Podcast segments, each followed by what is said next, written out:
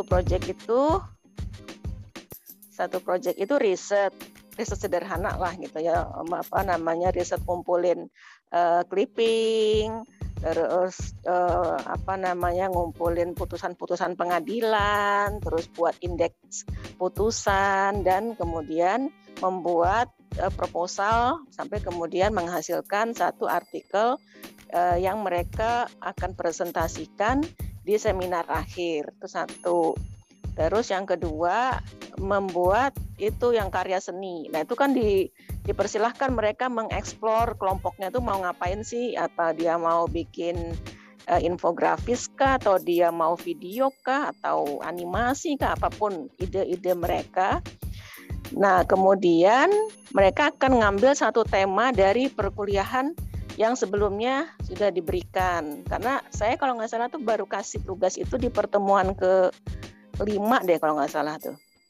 Hmm. Jadi setelah mereka dapat dapat pengantar ya kayak apa uh, teori-teori dasarnya itu. Uh, jadi kalau misalnya mereka mau bikin animasi, saya mau buat animasi tentang bentuk-bentuk rencana tata ruang misalnya gitu. Jadi satu tema itu dia akan buat itu. Nah terus gimana nih proyek proyek karya audiovisual itu bisa di, dibuat. Berarti kan dia harus membuat semacam satu proposal sederhana ya yang harusnya nunjukin apa sih pertimbangannya kok dia milih tema itu terus apa pertimbangannya kok bentuk karyanya itu seperti itu terus langkah-langkah yang harus uh, mereka lakukan apa terus mereka berbagi tugas di dalam kelompoknya seperti apa kayak gitu-gitu Nah, saya bayangkan setiap minggu tuh mereka akan report progresnya. Nah, bagaimana mereka mereport progresnya? Uh, ini yang masih saya nggak tahu nih gimana. Apakah di LMS dimungkinkan nggak mereka me, mensubmit uh, progresnya itu? Sup, karena gini, kalau kita minta mereka presentasi pasti nggak cukup waktunya kan uh, di dalam di dalam Zoom itu. Um, itu juga sama dengan yang apa namanya dengan kelompok yang mengerjakan riset. Jadi setiap setiap minggu gitu ya um, sebelum perkuliahan mereka harus submit. Saya udah ngerjain sampai di sini nih, saya udah ngerjain sampai di sini nih. Gitu. Um, jadi proses dan setiap itu di RPS saya saya, saya kasih nilai itu. Hmm. Ini misalnya di pertemuan di, di tugas pertama itu mereka kalau kalau mereka sudah submit mereka berarti mereka sudah mengumpulkan misalnya dua poin atau tiga poin gitu. Um, supaya saya nggak punya beban di akhir harus ngoreksi makalah seabrek-abrek. Kapok banget deh. Bener kata Bu Febri udah ngoreksi ujian tambah ngoreksi makalah gitu loh. Gitu sih Val dan teman-teman sekalian ada yang mau nanya-nanya ke Mbak Mirna sampai hmm. idenya kayak gitu tuh gimana prosesnya? Nah, ini Bang Rocky udah datang juga. Ini dia nih, jagoin. sudah sepuluh sudah sepuluh halaman. Abang jago. Abang jago. Abang jago. Abang jago Rocky. Mbak Mirna boleh tahu nggak kalau di ujungnya itu ya. eh, ada event tertentu atau uh, atau apa gitu. Misalnya uh, kebayang ini sebenarnya uh, uh, apa cuma ini aja ya uh, apa lompatan di pikiran aja. Uh -uh. Apakah ada semacam ini kan ada dua nih berarti ya. Uh -uh. Ada dua produk, satu uh, hasil bukan hasil riset, oh, publikasi atau uh -uh. artikel ilmiah uh -uh. gitu ya. Yang satu lagi kan uh, karya seni ya, video, misalnya uh -uh. visual gitu misalnya. Nah, ada event yang menyatukannya nggak? Gitu. Event misalnya ada. festival tata ruang UP misalnya gitu. Betul. Nah, saya coba kasih slot itu di pertemuan hmm. ke-14 dan ke-15. Hmm. Jadi itu adalah pertemuan di mana mereka me, apa me, menyampaikan lah ya mem, hmm. Mempresentasikan. Nah, cuman saya saya masih mau diskusikan dulu dengan mereka. Sebenarnya saya pertama, saya ingin mendorong mereka menyelenggarakan satu konferensi, hmm. konferensi hukum tata ruang untuk mahasiswa di mana mereka belajar mengorganize konferensi, hmm. mereka jadi koordinator panel, mereka mempromosikan selama empat bulan ini kan. Um, terus juga kalau nggak ada yang berminat ya ya paper-paper mereka sendiri itulah yang ada di dalam konferensi itu. Nah, cuman kan saya mau mau mau, mau diskusi dulu dengan mereka. Kalau mereka nggak pede, ya berarti paling enggak cuman seminar um, mahasiswa aja dengan mengun dengan mengundang pihak pihak-pihak lain di uh, kampus gitu. Terus yang kedua itu um, belum kebayang ininya sih, tapi belum kebayang formatnya. Tapi itu adalah hari di mana mereka menunjukkan entah dia video animasinya, entah dia um, apa namanya uh, infografisnya atau apa kayak gitu loh. Nah baru setelah itu mereka akan um, upload ya di di medsos dengan tag um, medsosnya UP misalnya kayak gitu. Sehingga penilaian juga dilihat dari seberapa banyak viewersnya, like-nya, ya seperti biasa. Kayak bayangannya kayak gitu cuman masih belum utuh nih ininya idenya. Di pengalaman uh, kami sebetulnya kalau ujungnya ada event itu akan mendorong dua hal. Yang pertama um, jadi jadi adrenalinnya mahasiswa dan dosennya jadi makin tinggi. Uh, jadi apa uh, antusiasme ngerjainnya itu beda banget mbak. Jadi kalau misalnya mm. kalau mbak bilang tadi, oke okay, internal internal uh, oke okay, gitu ya. Tapi kalau ada event kayak tadi misalnya konferensi misalnya gitu ya, yang nantinya sebenarnya jangan-jangan bisa mengundang uh, apa uh, dari mana-mana juga gitu. Nah itu adrenalinnya beda. Uh, dan dari sisi hasil jauh lebih jauh lebih kuat ya jauh lebih kuat. Karena kalau apalagi dosennya dosennya juga jadi tegang kan. Artinya kualitas uh, paper sama ininya akan lebih berpengaruh. Cuman memang konsekuensinya tingkat kerepotannya lebih tinggi gitu. Nah uh, ini akan sangat tergantung nanti sama sama seberapa banyak mahasiswa punya proyek yang uh, apa berbarengan di akhir tahun atau di akhir semester itu gitu ya paling itu aja sih mbak kalau tapi kalau ada event atau dikasih nama atau apa segala macam uh, walaupun kadang-kadang internal ya misalnya uh, saya kemarin baca punyanya Baruri ya saya melihat di beberapa uh, kampus di luar tapi itu uh, hukum internasional itu jadi ini Moon. Uh, apa proyeknya proyek Moon jadi di akhir tuh ada memang ada kompetisi gitu yang terbuka di antara mahasiswa dan segala macam jadi event itu jadi jadi membantu kita juga merancang prosesnya ke ke apa ke awal gitu. Nah, apa namanya eh, terkait terkait dengan event itu, saya juga kepikir gini, mungkin kita bisa berkol berkolaborasi juga antar mata kuliah gitu loh. Jadi um, uh, mahasiswa uh, yang ikut mata kuliah saya sama mata kuliah dosen-dosen yang lain gitu ya. Itu sama-sama di akhirnya itu kita punya proyek bersama. Proyek misalnya membuat konferensi mahasiswa tentang hmm. apa gitu kita kasih temanya kan. Ya memang kita repot tapi saya sih optimis ya karena uh, pengalaman tuh banyak juga mahasiswa yang antusias gitu loh untuk ikutan ikutan ngurusin acara-acara kayak gini. Begitu. Dan itu bagian dari project sebetulnya. Jadi iya. kalau diukur kan sebenarnya kayak uh, di yang sudah ada di RPS-nya uh, bapak ibu sekalian kan juga ada tuh bekerja sama apa problem solving dan segala macam itu kan masuk sebagai sebagai ukuran ya penilaian. Ada yang mau Mas Rival. Nanya ke Mbak Mirna. Iya, ha? silakan. Oh iya. Kalau Ruli coba share apa yang Ruli udah buat ya. Boleh, ha? silakan. uh, Oke. Okay. Ya, jadi uh, ini memang apa mahasiswa pastinya sudah diberikan pengetahuan tentang uh, siapa itu penduduk sipil Ya kan ini intinya adalah uh, tentang penduduk sipil. Nah, saya pokoknya minta koreksi ya Mas Rival dan Bu Mirna dan teman-teman yang lain. Nah, saya membuat uh, yang tadi Mas Rival bilang apa sih yang mau di uh, ujungnya apa? Pastinya infografis yang yang yang standar saja, tapi bisa juga kalau misalnya bagus itu bisa ke ACRC karena kebetulan juga punya apa namanya channel ke sana. Nah ini uh, kelompok satu pastinya di dalam poster itu kategorisasi penduduk sipil itu siapa aja bisa uh, medis, uh, anak wanita segala macam. Nah di dalam uh, apa posternya itu harus ada muatan-muatan uh, mengenai kategorisasi dan pastinya literal, literatur literatur.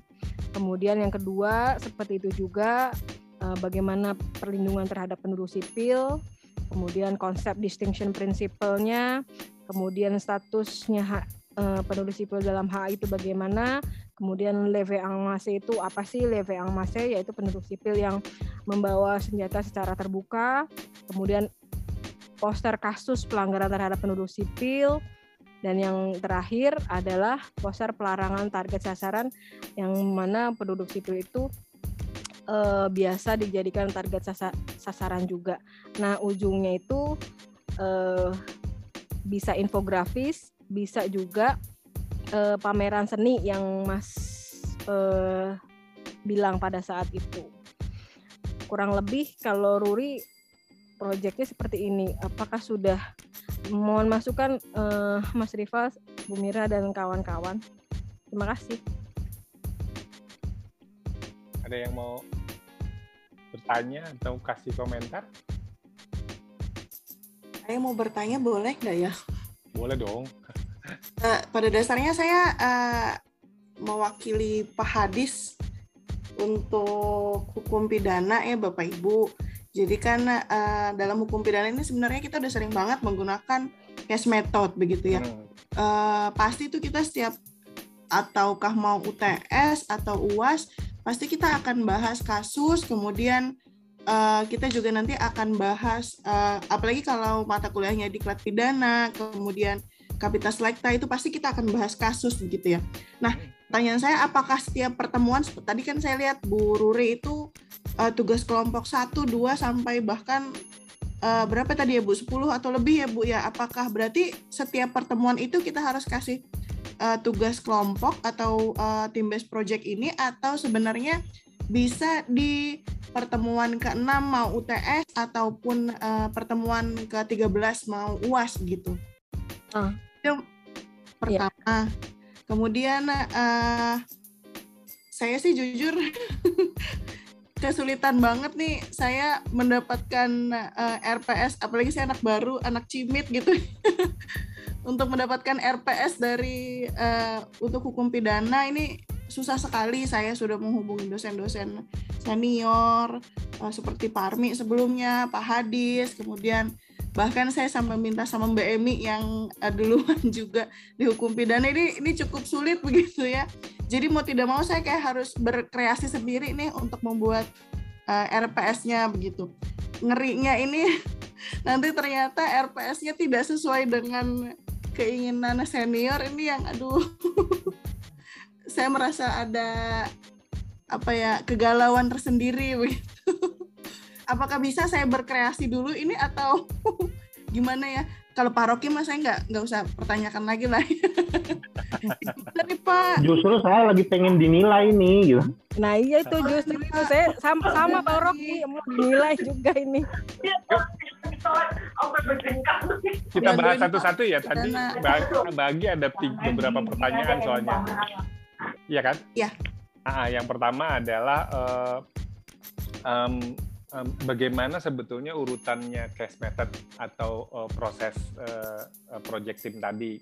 Apakah setiap apa setiap sesi membahas satu proyek atau kayak Mbak Mirna misalnya di ujung uh, apa proyeknya apa setiap sesi itu adalah akumulasi dari uh, uh, sampai ke ujung gitu ya. Jadi apa uh, bertahap sebenarnya uh, tugasnya tetap satu di ujung tapi prosesnya setiap sesi nanti ada atau gimana gitu.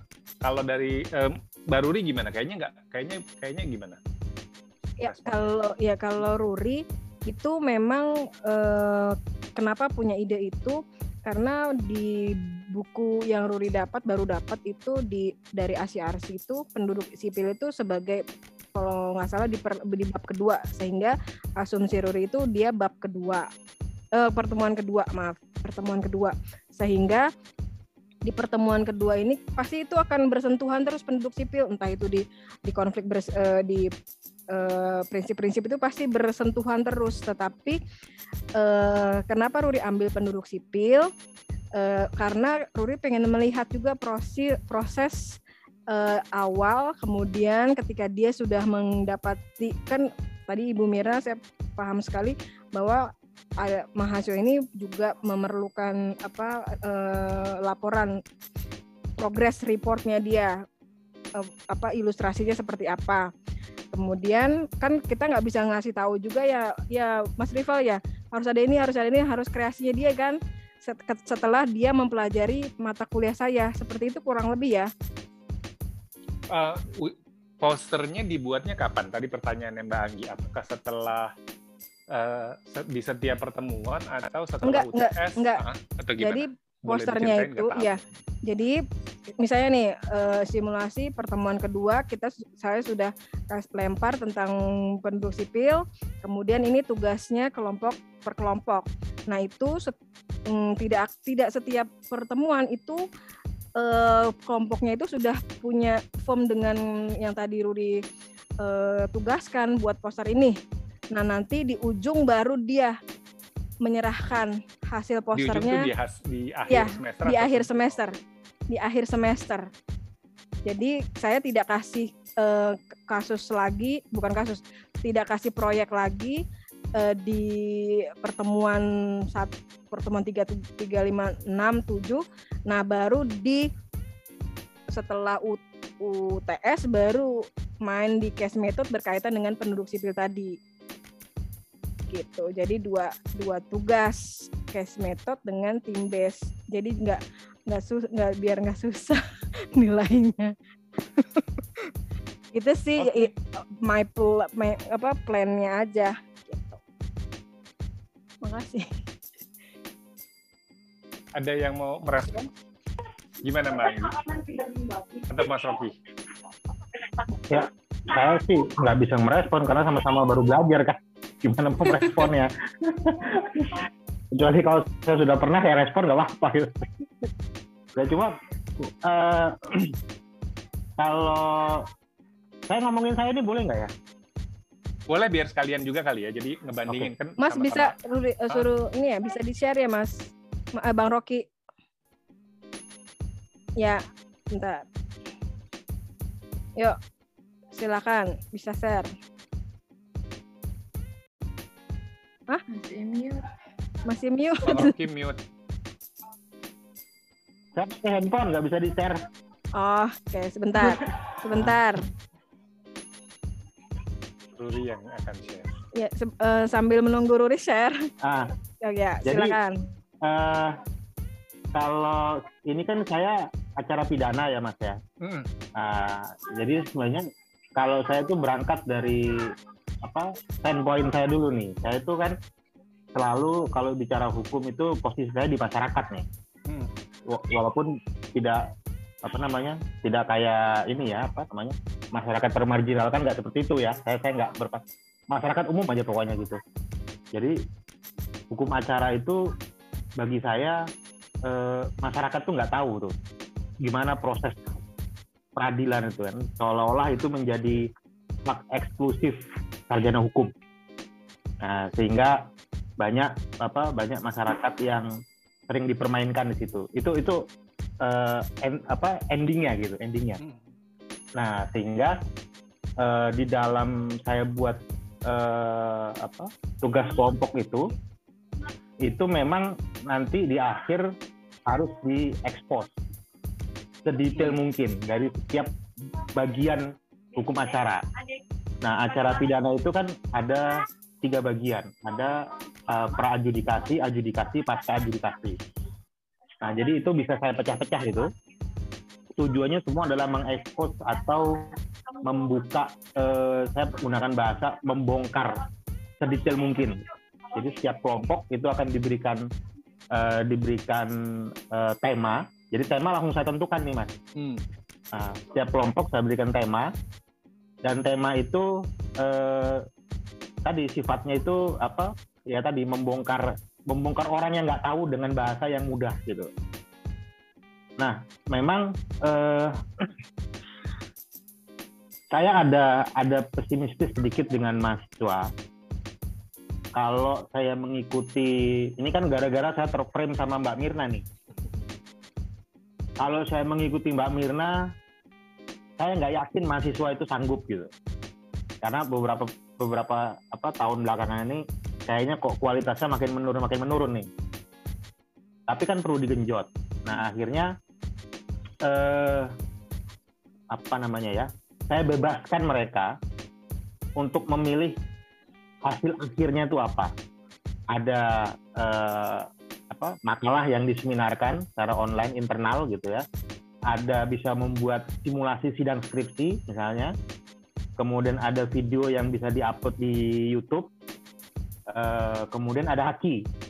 Saya masukkan juga ke uh, hak cipta Kenapa hak kita? Karena dari beberapa tugas kelompok itu hasil akhirnya adalah skema.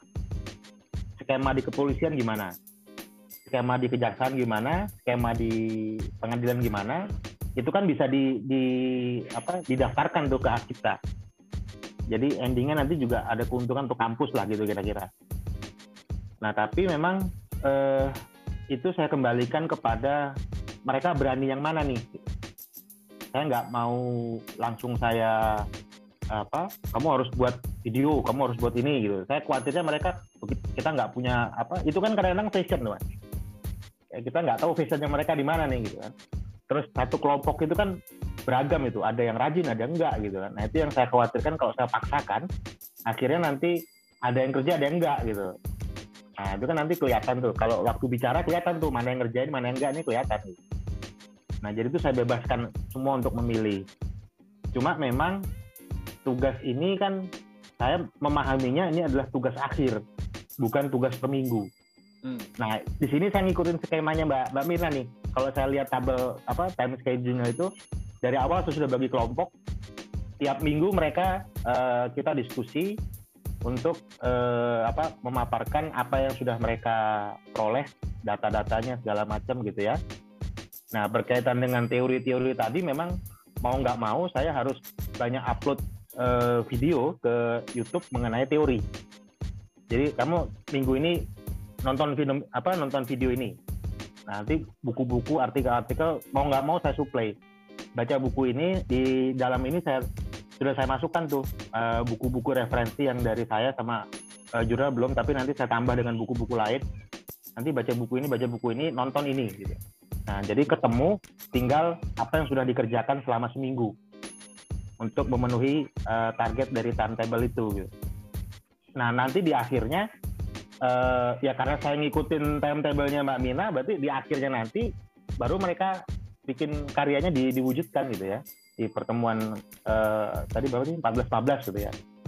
Tapi kalaupun ada yang bisa jadi lebih dulu, buat saya justru itu lebih bagus gitu. Artinya timetable itu uh, tidak tidak absolut gitu ya. Kalau misalnya nanti pas habis UTS sudah ada yang bisa memaparkan apa yang menjadi tugas, ya lebih senang saya bisa kasih tugas yang lain nantinya gitu.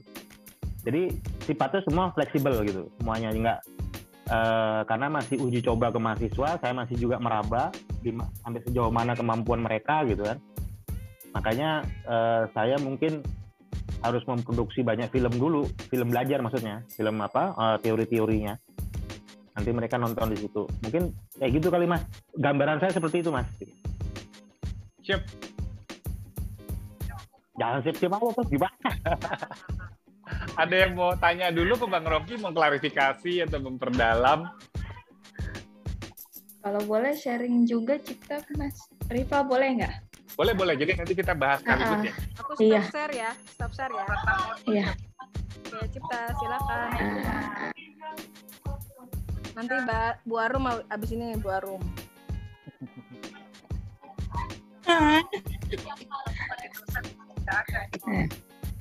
Uh, ya, terima kasih kesempatannya Mbak Luri, Mas Riva, Bapak Ibu sekalian. Ini sama kita sama-sama ngikut apa ya, dari formatnya Bu Mirna, tapi ada sedikit modifikasi, mohon izin. Uh, ini adalah modul untuk hukum administrasi daerah uh, untuk sistem apa namanya metode pembelajaran tim based project. Uh, ini belum selesai baru di apa namanya tugas terstruktur yang ketiga baru saya kerjakan di situ.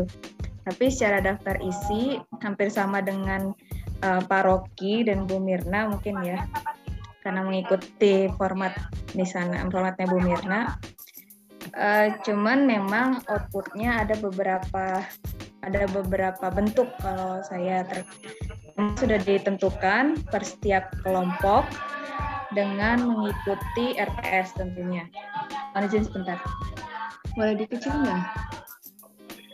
Ah, kemudian yang uh, yaitu di kelas nanti akan kita bagi atau saya rencananya membagi sebanyak lupa delapan kelompok ya delapan kelompok Nah, dalam kelompok ini atau kegiatan tim desk project ini saya rencananya memang dilakukan sebelum masa UTS. Jadi hanya 8 minggu.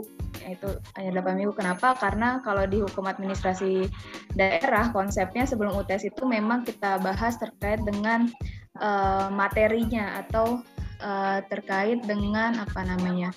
dasar teori-teorinya terkait dengan pemerintahan daerah. Nah, tapi dari teori-teori tersebut saya coba saya coba apa namanya olah dengan metode team based project. Nanti pada saat awal perkuliahan ini sudah ada timetable-nya juga, sudah ada timetable, tapi ini uh, terkait dengan tema-temanya dulu. Nanti dibagi menjadi 8 kelompok dengan kelompok 1, kelompok 2, kelompok 3, kelompok 4 sampai dengan kelompok 5 itu fokus pada materi. Jadi pengkajian terkait dengan materi kami uh, saya bagi di kelompok satu itu membahas mengenai inventarisasi peraturan undang-undangan tentang pemerintahan daerah dan mencari dasar perubahannya kenapa. Itu. Nanti ada outputnya. Dari outputnya ini adalah berupa uh, tabel analisa. Itu tabel analisa dia dia menginventaris dan membuat perbandingan gitu perbanding eh, undang-undangnya apa, kemudian kenapa dia berubah gitu. Ini kelompok satu. Kelompok dua uh, setelah sudah dilakukan pengumpulan data itu, nah dari kelompok dua sim, uh, simultan atau meneruskan dari hasil kelompok satu, yaitu dia membuat infografis mengenai perbandingan macam-macam urusan pemerintahan yang di dalam undang-undang pemerintahan daerah. Selain itu juga dia membuat satu uh, tabel perbandingan mengenai atau tabel apa ya uh, pemaparan mengenai kewenangan antara pemerintah pusat, daerah, provinsi, kabupaten, kota melalui hasil yang diperoleh dari kelompok satu, gitu. Nah, kemudian dari, seterusnya di kelompok tiga itu membuat flowchart outputnya itu atau alur bagaimana pembentukan peraturan uh, pemerintah, sorry, pembentukan peraturan des peraturan daerah maksudnya ini peraturan daerah dan peraturan desa. Itu nah ini kelompok tiga. Kelompok empat membuat flowchart juga alur uh, terkait dengan pembagian kewenangan terkait dengan keuangan daerah. Itu dia flowchartnya bagaimana pemerintah da pemerintah daerah ini melakukan uh, siklus terkait dengan pembentukan APBD-nya gitu. Ini kelompok empat Nah, kelompok lima ini terkait dengan membuat infografis mengenai macam-macam perangkat daerah. Gitu. Jadi dia uh, infografis berarti kan bentuknya bisa dalam bentuk JPEG lah, PNG dan mungkin bisa video. Gitu. Rencananya seperti itu. Nah, nanti kelompok 6 dari kelompok 6 ini dia menyusun dokumentasi hasil tugas. Nah, dalam kelompok 6 ini output yang yang diharapkan yang saya bayangkan itu adalah membuat buku saku tentang pemerintahan daerah. Isinya adalah hasil dari kelompok 1 sampai kelompok 5. Gitu. Nah, dari setelah enam menyusun dokumentasi hasil tersebut, ya mau tidak mau juga dia harus mempelajari uh, apa yang di, apa yang dibahas dari kelompok 1 sampai kelompok 5. Di kelompok 7 itu melakukan pengorganisiran pelaksana publikasi atau bentuk seminar. Jadi nanti mahasiswa me, me, menyampaikan apa yang dihasilkan. Artinya kalau kita bahasanya itu bedah buku mungkin kan. Bedah buku sederhana. Nah, tapi bentuknya bisa seminar seperti webinar, bisa offline, bisa dia buat satu video uh, publikasi melalui YouTube gitu. Jadi mau mau langsung live atau uh, atau uh, tidak apa tidak secara langsung juga itu diserahkan kepada mahasiswanya. Uh, kelompok 8 Nah, kelompok 8 ini adalah si yang memaparkannya.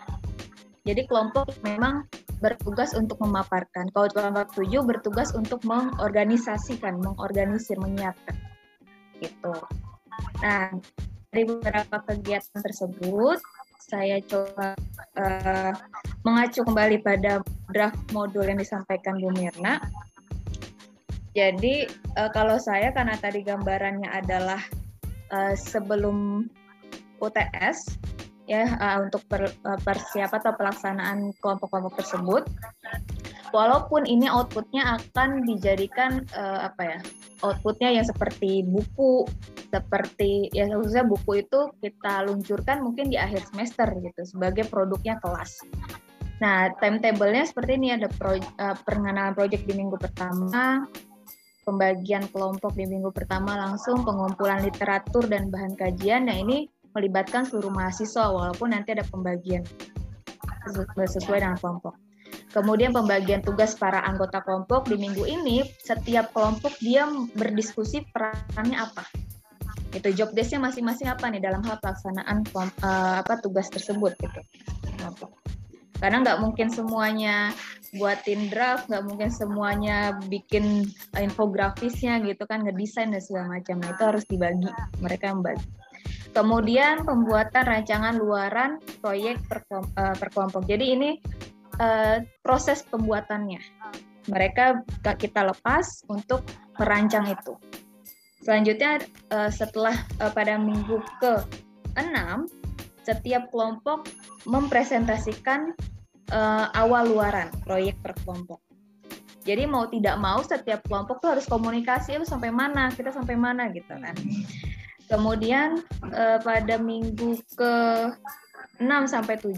Jadi itu uh, apa namanya dua minggu ini jadi setelah laporan awal kan berarti mereka ada evaluasi nih masing-masing kelompok kemudian melakukan finalisasi sampai dengan minggu ketujuh. Nah kalau minggu ketujuh ini kan kita ingat ini sudah pertemuan terakhir sebelum UTS gitu kan? Nah mereka memfinalisasi termasuk pada kelompok yang memiliki tugas perancangan atau mengorganisir suatu kegiatan seminar publikasi dia sudah mulai sudah harus mulai menyiapkan walaupun e, harusnya sudah di awal ketika sudah pembagian kelompok tapi ini saya saya e, saya tentukan di minggu keempat. Itu paling tidak sudah ada progres pelaksanaan kegiatannya apa. Setiap minggu jadi e, perlu dilaporkan itu atau perlu dipresentasikan ke teman-teman kelasnya gitu. Kemudian pada pertemuan ke-8, nah pertemuan 8 kan ini biasanya UTS nih. Nah ini mungkin apakah dimungkinkan kita sistem UTS ya tidak berseragam jadi diserahkan kepada kelasnya masing-masing sehingga rencananya adalah seminar publikasi kalau di saya gitu. Hasil dari seminar publikasi inilah yang menjadi apa namanya uh, kesuksesan atau capaian-capaian di dalam proyek-proyek masing-masing kelompok ini. Kalau kalau misalnya semua terselenggara, terselenggara dengan baik, berarti kan ya setidaknya kita kasih nilai memang oh e, mereka bisa tim best project dalam satu kelas nih semua terlaksana dengan baik gitu.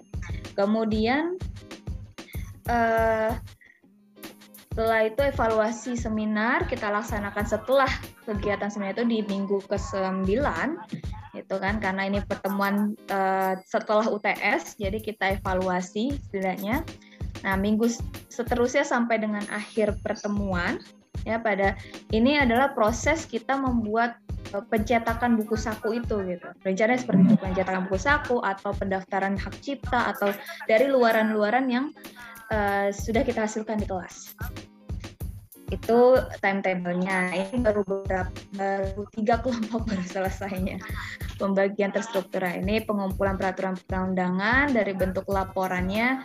Mohon izin juga memodifikasi dari Bu Mirna uh, bentuk laporannya itu dalam bentuk Excel ya dengan nama file yang yang mungkin saya buka uh, upload filenya saya buka beberapa alternatif uh, apa namanya web karena kan kita menggunakan beberapa web eh, beberapa sarana uh, aplikasi lah gitu sehingga bisa digunakan uh, modul ini mudah-mudahan bisa digunakan seterusnya.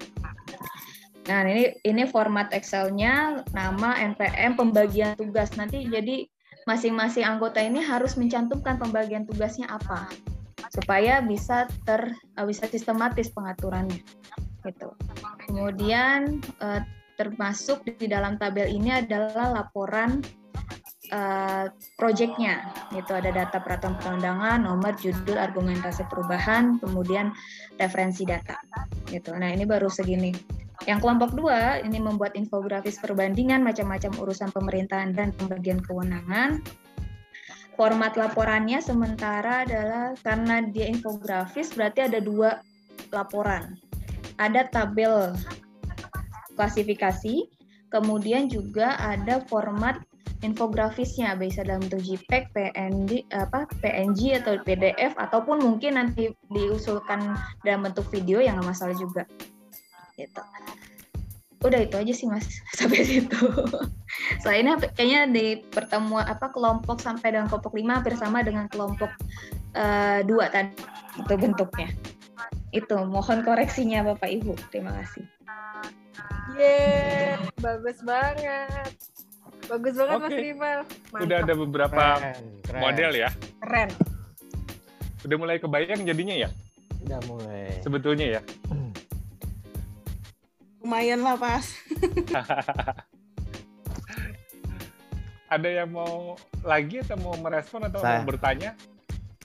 Saya. Oke, terima kasih Pak Rival. Selamat malam semua teman-teman. Ini uh, saya terus terang minder nih teman-teman kayaknya udah ngasih uh, apa namanya format yang terperinci jelas gitu kan saya cuma mau minta uh, advice aja gitu. Dua mata kuliah saya yang saya andalkan gitu kan di uh, di genap itu hukum acara perdata. Di ganjil nanti September itu diklat kemahiran hukum perdata. Selama ini di acara perdata itu kita udah punya RPS yang sudah diupdate dan uh, terakhir sudah format yang sudah terakhir lah ya kira-kira gitu. Dan ada slide 180 slide. 180 slide ada diktat nggak tahu sekarang soalnya saya ada diktat ada bahan ajar sedangkan sekarang tuh istilahnya ini selama yang disampaikan adalah modul gitu loh tapi nggak tahu nanti nah di acara perdata tugas akhirnya itu mahasiswa bikin paper. Kalau acara perdata kan banyak topiknya. Ada surat kuasa khusus, ada gugatan, ada jawaban, ada replik, duplik, banyak topik-topik. Dan nanti di akhirnya adalah mereka bikin paper selama ini. 20 halaman atau format jurnal kira-kira dalam eh, halaman yang sekitar 15 lah. Tapi format jurnal gitu kan. Itu di acara perdata yang selalu eh, apa namanya eh, eh, banyak teorinya lah kayak gitu. Nah di, di September nanti September Oktober November Desember itu adalah mata kuliah yang eh, merupakan eh, praktek ya. diklat kemahiran hukum perdata. Nah namanya diklat kan diklat pendidikan dan latihan. Apa yang dilatih yaitu membuat dokumen-dokumen litigasi. Jadi dia praktek. Nah, ada RPS-nya, ada bahan ajarnya 155 halaman. Isinya di bahan ajar itu adalah contoh-contoh bagaimana membuat dokumen dengan baik dan benar dengan menggunakan taktik strategi. Karena kan ini eh, apa namanya kita gimana ya mem mengajarkan mereka membuat dokumen yang sangat diperlukan untuk dalam rangka menyelesaikan persoalan perdata di berbagai sektor gitu. Nah, oleh karena itu hasil akhirnya adalah kelompok kerja ini masing-masing membuat resume perkara perdata. Resume perkara perdata. Kenapa? Karena kita di kantor law, law firm itu bahagia bener lawyer itu kalau bisa close case. Nah, close case itu hasilnya adalah ada setiap kasus ada yang namanya resume perkara perdata yang close case ya di, di close dan case-nya selesai. Itu happy lawyer itu. Bisa membuat happy kliennya dan sebagainya. Oleh karena itu di diklat kemahiran hukum perdata itu di awal kuliah saya membagi eh, kelompok kurang lebih 8 sampai 10 orang per kelompok dengan masing-masing kelompok di sektor atau bidang hukum yang berbeda-beda mereka harus membuat sinopsis perkara perdata yang peristiwa hukum perdatanya itu jelas. Siapa yang terlibat di dalam peristiwa itu? Jelas. Apakah perusahaan atau perorangan? Di antara mereka ada hubungan hukum apa? Hak dan kewajiban yang seperti apa yang nggak jalan? Ada pihak yang dirugikan? Berapa kerugiannya? Akhirnya dia melakukan gugatan dan berproses di pengadilan yang memerlukan dokumen-dokumen. Gitu. Oleh karena itu,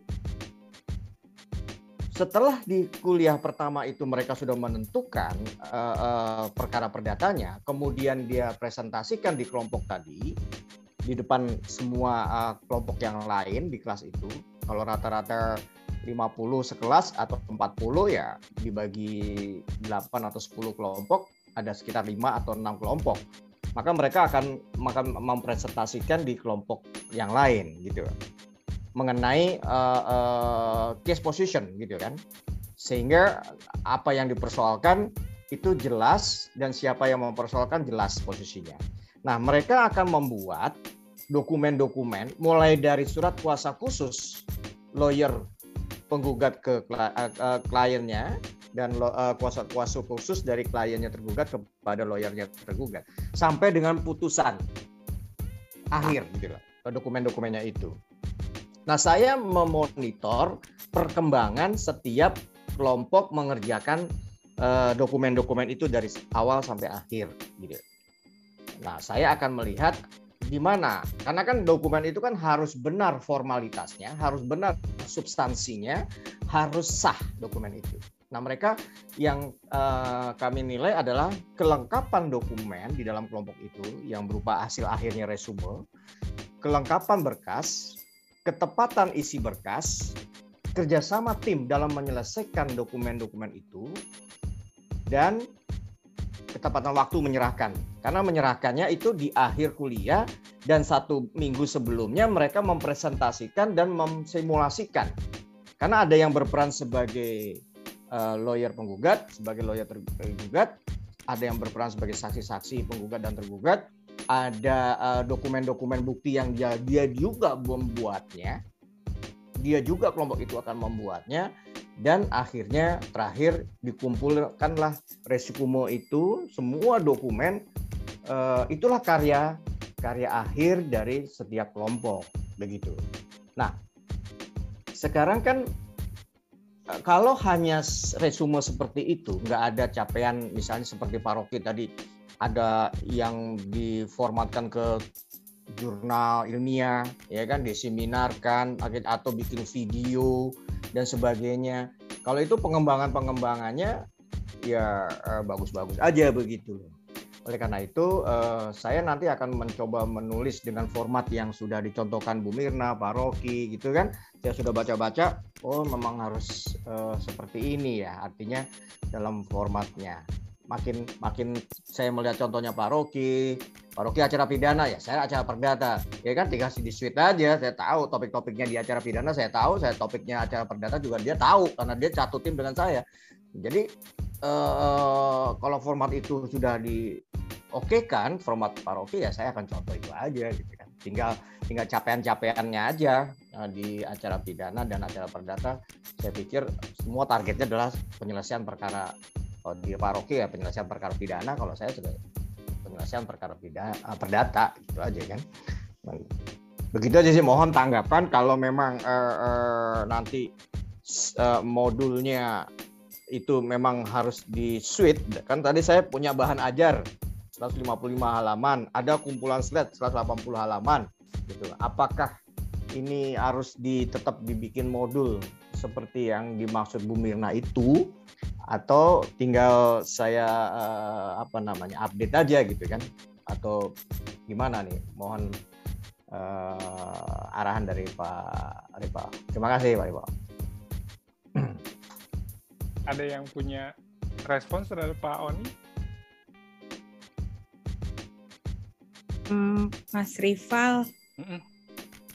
mohon maaf ya saya tampil dengan kostum kebangsaan soalnya udah malam Mas Rival. Saya juga sisa ini tadi, sisa skripsi ujian uh, saya nggak nanggepin Pak Oni, ya, tapi ya, uh, apa uh, saya nyontek sih nyontek Mas Rocky lebih tepatnya kan karena cuma dibilang suruh bilangnya outline. Hmm. itu hanya sebagai apa tadi namanya komitmen awal membuat. Terus uh, mungkin dibandingkan dengan Mbak Cipta punya saya tuh kayak remahan rempeyek ya. Karena bener-bener outline banget saya cuma pengen apa, mbak. Aku aja kerajinan kayak mbak itu kayak bener-bener oh, ini bener nggak ya? Gitu. Uh, saya minta diperiksa boleh ya Pak rival? Uh, ini gimana ya caranya ya? Ditampilin ya? Iya. Uh, bisa ya? Bisa share screen nggak Mbak Ruri? Mbak Harum bisa sih tapi bagaimana? Ini kok nggak muncul ya? Baru ri ini tar oh uh, close oh iya. Um, ini gimana ya? Uh, aduh, uh, ini laptopnya baru jadi kayak baru ri baru ri. Yap. Ini uh, tadi modul yang aku oh, upload uh boleh nggak di share screen? Sebentar. Sambil nunggu saya share screen, boleh selesaikan secara adat sama Mas Rizal. Tadi ya. pokoknya um, kan saya ngajar di semester besok September itu hukum organisasi internasional Pak Rival. Hmm.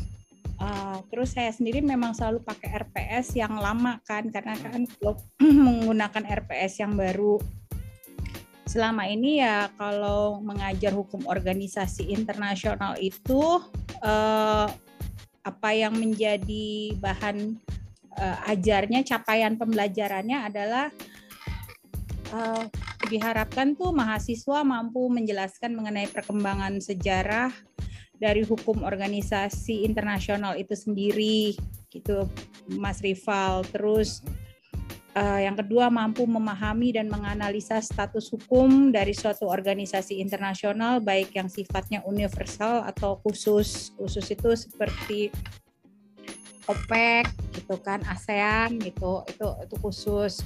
Terus yang ketiga, mampu menjelaskan mengenai pengambilan keputusan dan jenis-jenisnya dalam suatu organisasi internasional. Tapi karena di sini waktunya sempit ya, hanya 16 kali pertemuan.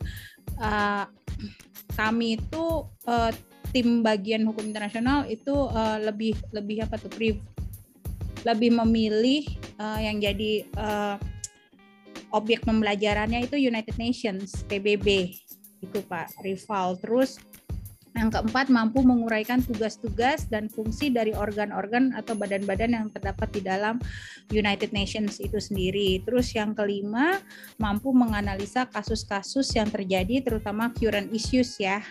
Nah, itu yang yang di mana ada peranan dan tanggung jawab dari PBB dalam hal ini uh, Dewan Keamanan, Majelis Umum, uh, dan Sekjen PBB dalam menyelesaikan suatu konflik dan sengketa internasional yang terjadi. Itu sih uh, kebanyakan case study. Nah, yang kelima ini memang biasanya dibuat oleh mahasiswa dalam bentuk uh, apa namanya PowerPoint. Nah, yang biasanya akan dipaparkan di akhir perkuliahan tugas kelompok gitu. Ha, karena kita awal-awal apa pandemik itu saya kesusahan untuk mereka presentasi, mereka sempat bikin film ala-ala YouTube, tapi nggak dimasukin ke YouTube, tapi di send ke saya lewat hmm. drive gitu, Mas Rival. Itu sih. Nah, ini modulnya. Ini saya nyontek outline-nya Bang Rocky, mohon maaf ya, dipinjem. Kita kan friend, friend. Nah ini uh, dari nomor satu kali ya Mbak. Down, down, down, up, up, up, up, up. ya, up. Nah, saya belum masuk pendahuluan karena kan tadi katanya cuma untuk fakta komitmen aja dulu. Terus uh, saya di situ tulis perihal pembelajaran proyek berbasis kelompok, ada tujuan kegiatan, capaian, bentuk keluaran. Nah, bentuk proyek yang ditawarkan uh, otomatis saya uh, pendekatannya yuridis normatif ya, karena kan uh, saya tidak pakai penelitian lapangan, nggak pakai apa gitu, karena memang semuanya murni buku-buku uh, dan buku-buku uh, dan Charter of United Nations, piagam PBB yang kami pakai di sini. Terus uh, proyek pembuatan karya seni audiovisual untuk memberikan edukasi kepada masyarakat mengenai aspek-aspek tertentu dalam uh, hukum organisasi internasional. Saya saya punya ide, uh, mohon mohon dikoreksi kalau salah.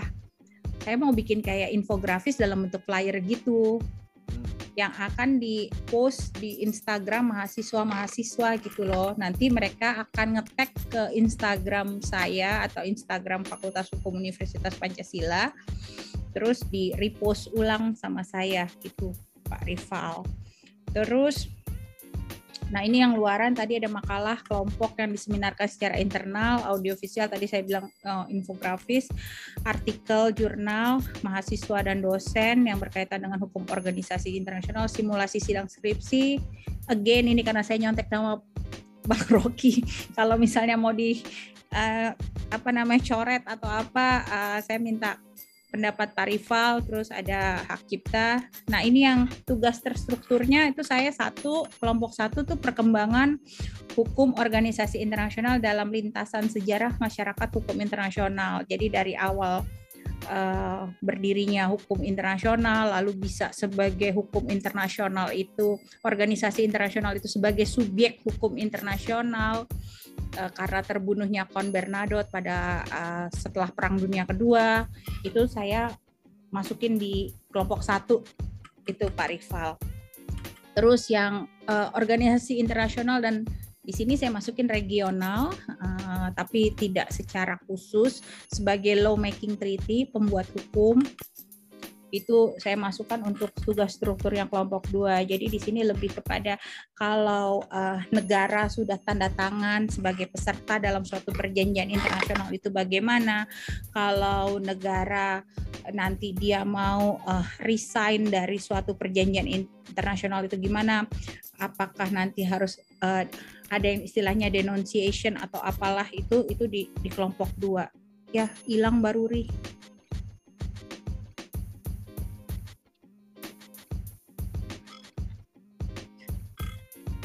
nah, yang ketiga baru saya masuk khusus di PBB. Nah, PBB ini yang subjek hukum internasional itu baru saya masukin di situ yang khusus eh, PBB-nya sebagai subjek hukum internasional. Lalu uh, turun Maruri apa up Maruri apa apa turun? Uh, FF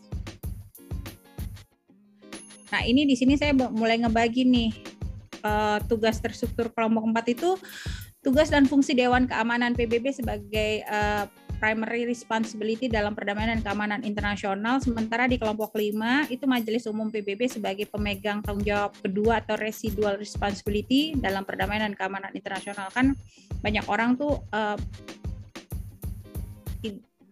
tidak mengetahui gitu loh mengapa bisa sampai resolusi majelis umum itu tidak dipatuhi sementara resolusi Dewan Keamanan memiliki sanksi.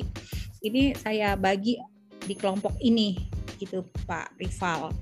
Uh, terus uh, mekanisme mekanisme pengambilan keputusan di dalam Dewan Keamanan dan mekanisme pengambilan keputusan di Majelis Umum itu juga ada di dalam tugas struktur kelompok 4 dengan 5 itu terus bagaimana bisa sampai majelis umum itu punya apa namanya memegang tanggung jawab itu juga saya masukin di kelompok 5 eh, Jadi itu nanti uh, kelompok 4 sama kelompok 5 sebetulnya berkaitan. Itu Pak Rival.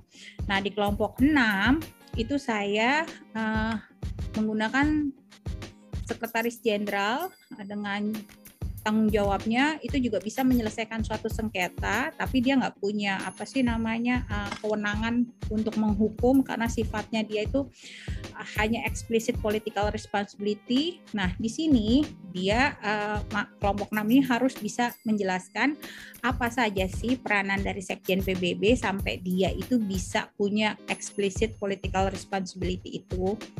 Terus di kelompok 7 baru uh, apa namanya penerapan sanksi-sanksi oleh PBB terhadap negara anggota dan non anggota PBB. Sebetulnya dari kelompok 4, 5, 6 dan 7 itu udah mulai case study Pak Rival gitu. Hmm. Itu itu sih Pak Rival. Itu yang ada di otak saya baru sampai itu. Tiga halaman udah sama cover maksudnya. ya makasih Pak Rival. Kasih. Uh, ada lagi yang mau share? Atau kita nanti bisa jadi bahas satu-satu ya uh, beberapa isunya ya. Mau uh, dong Pak Rival. Oh iya silakan Ibu. Silakan Bu Febri. Ah. Maaf ya ini Bang Rival saya belum buat belum buat PR-nya saya. Cerita aja kok Bu, nggak apa-apa.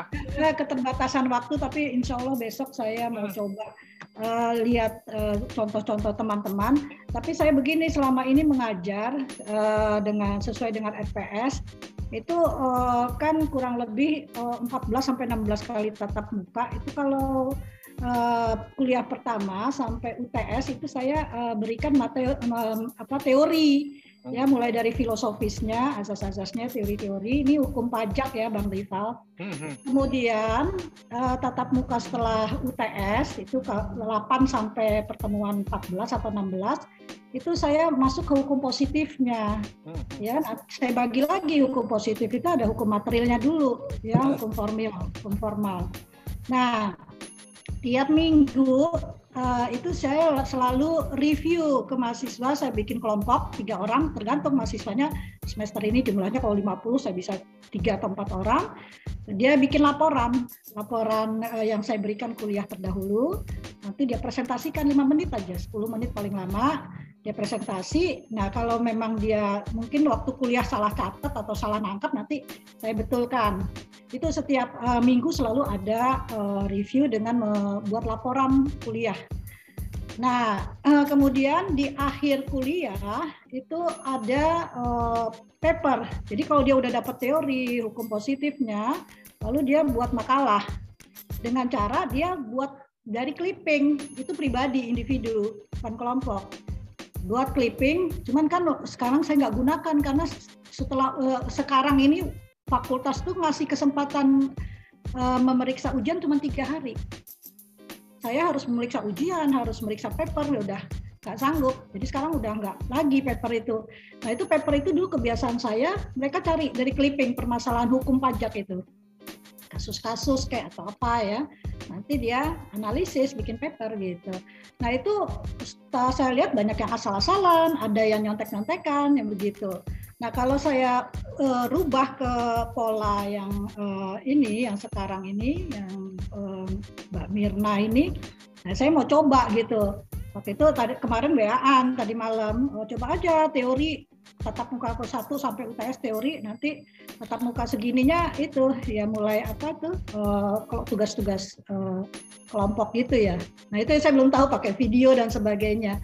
Itu yang saya belum belum uh, belum apa memahami gitu Bang Rival. Jadi saya masih mau coba-coba teman-teman udah canggih-canggih nih soalnya. gitu ya mungkin dari pola itu. Soalnya uh, nggak mungkin kalau dari pertama kita, suruh mereka cari kasus atau apa yang belum tahu apa itu sih pajak gitu kan hukum pajak kita hukum pajak gitu.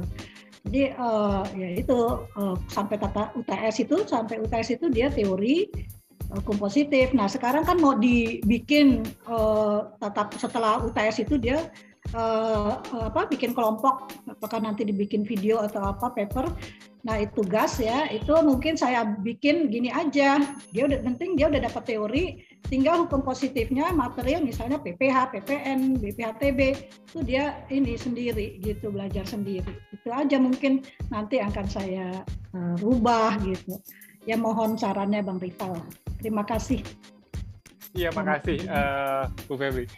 Um, saya ini aja ya, uh, apa, uh, uh, apa coba untuk bahas beberapa isu yang saya kira nanti bisa kita bisa cari jalan keluarnya atau kita coba beberapa hal ya. Yang pertama, kalau saya ngelihatnya tadi mulainya dari dari pertanyaannya Mbak Anggi ya. Uh, dan ini ada ada dua saya kira. Yang pertama itu persoalan timnya sendiri karena uh, dari sisi apa ya dari sisi proses kan tentu saja uh, RPS ini uh, bukan pekerjaan satu orang ya tapi pekerjaan bisa jadi untuk beberapa mata kuliah ini tim besar gitu ya. Nah, saya kira itu itu apa hal yang mesti dibahas memang secara khusus ya karena bukan soal teknis kan tapi soal bagaimana bagaimana ini disepakati bersama. Uh, tapi kalau dilihat dari prosesnya saya kira uh, kita perlu memisahkan antara yang pertama itu adalah um, uh, bobot apa, apa bobot. Bagian-bagian dari si perkuliahan ya. Tadi kalau kalau paling paling gampang tadi uh, ngambil contohnya yang dari terakhir ya Bu Febri ya. Kalau teori gimana? Gitu. Karena kan uh, kebiasa bukan hanya kebiasaan tapi banyak sekali model uh, uh, pembelajaran itu modelnya deduktif jadi dari yang uh, umum teori terus kemudian baru kita masuk ke kasus kan gitu ya Nah, kalau di uh, pendekatan team based project atau case method sebenarnya teori di belakang. Nah, ini yang memang kadang-kadang bikin bingung buat kita yang merasa bahwa logika itu uh, dari umum ke khusus, bukan dari khusus ke umum gitu. Nah, uh, ini yang sebetulnya memang rada uh, perlu didiskusiin ya. Kalau buat saya sih sebenarnya kombinasi selalu gitu ya. Uh, karena di dalam kasus pasti ada teori, di dalam teori pasti ada kasus. Nggak mungkin itu di, di apa uh, di, dipisahkan secara langsung atau jangan-jangan belajarnya bisa berbarengan. Nah makanya jalan keluarnya biasanya kalau kita mau bahas soal apakah teori dulu atau kasus dulu, kadang-kadang uh, tawaran dalam Mirna adalah kalau memang itu sifatnya searah, jadi uh, searah, jadi penyampaian modelnya uh, penyampaian kan nggak perlu respons kalau nggak perlu respon, dibikin video aja. Bisa ditonton kapan pun, bisa dipecah. Misalnya kalau kita ceramah satu jam, itu kalau di video bisa dipecah-pecah jadi misalnya 10 video gitu. Jadi uh, satu video 6 menit. Jadi uh, mahasiswa bisa nonton oh 6 menit dulu dan 6 menit dulu gitu ya. Jadi uh, terserah silakan aja uh, apa kalau memang itu harus disampaikan secara lisan. Jadi bukan tulisan ya. Karena kadang-kadang uh, kita suka uh, uh, redundant ya, suka suka lewah jadi antara apa yang diomongin sama apa yang bisa dibaca itu dua hal yang sama gitu.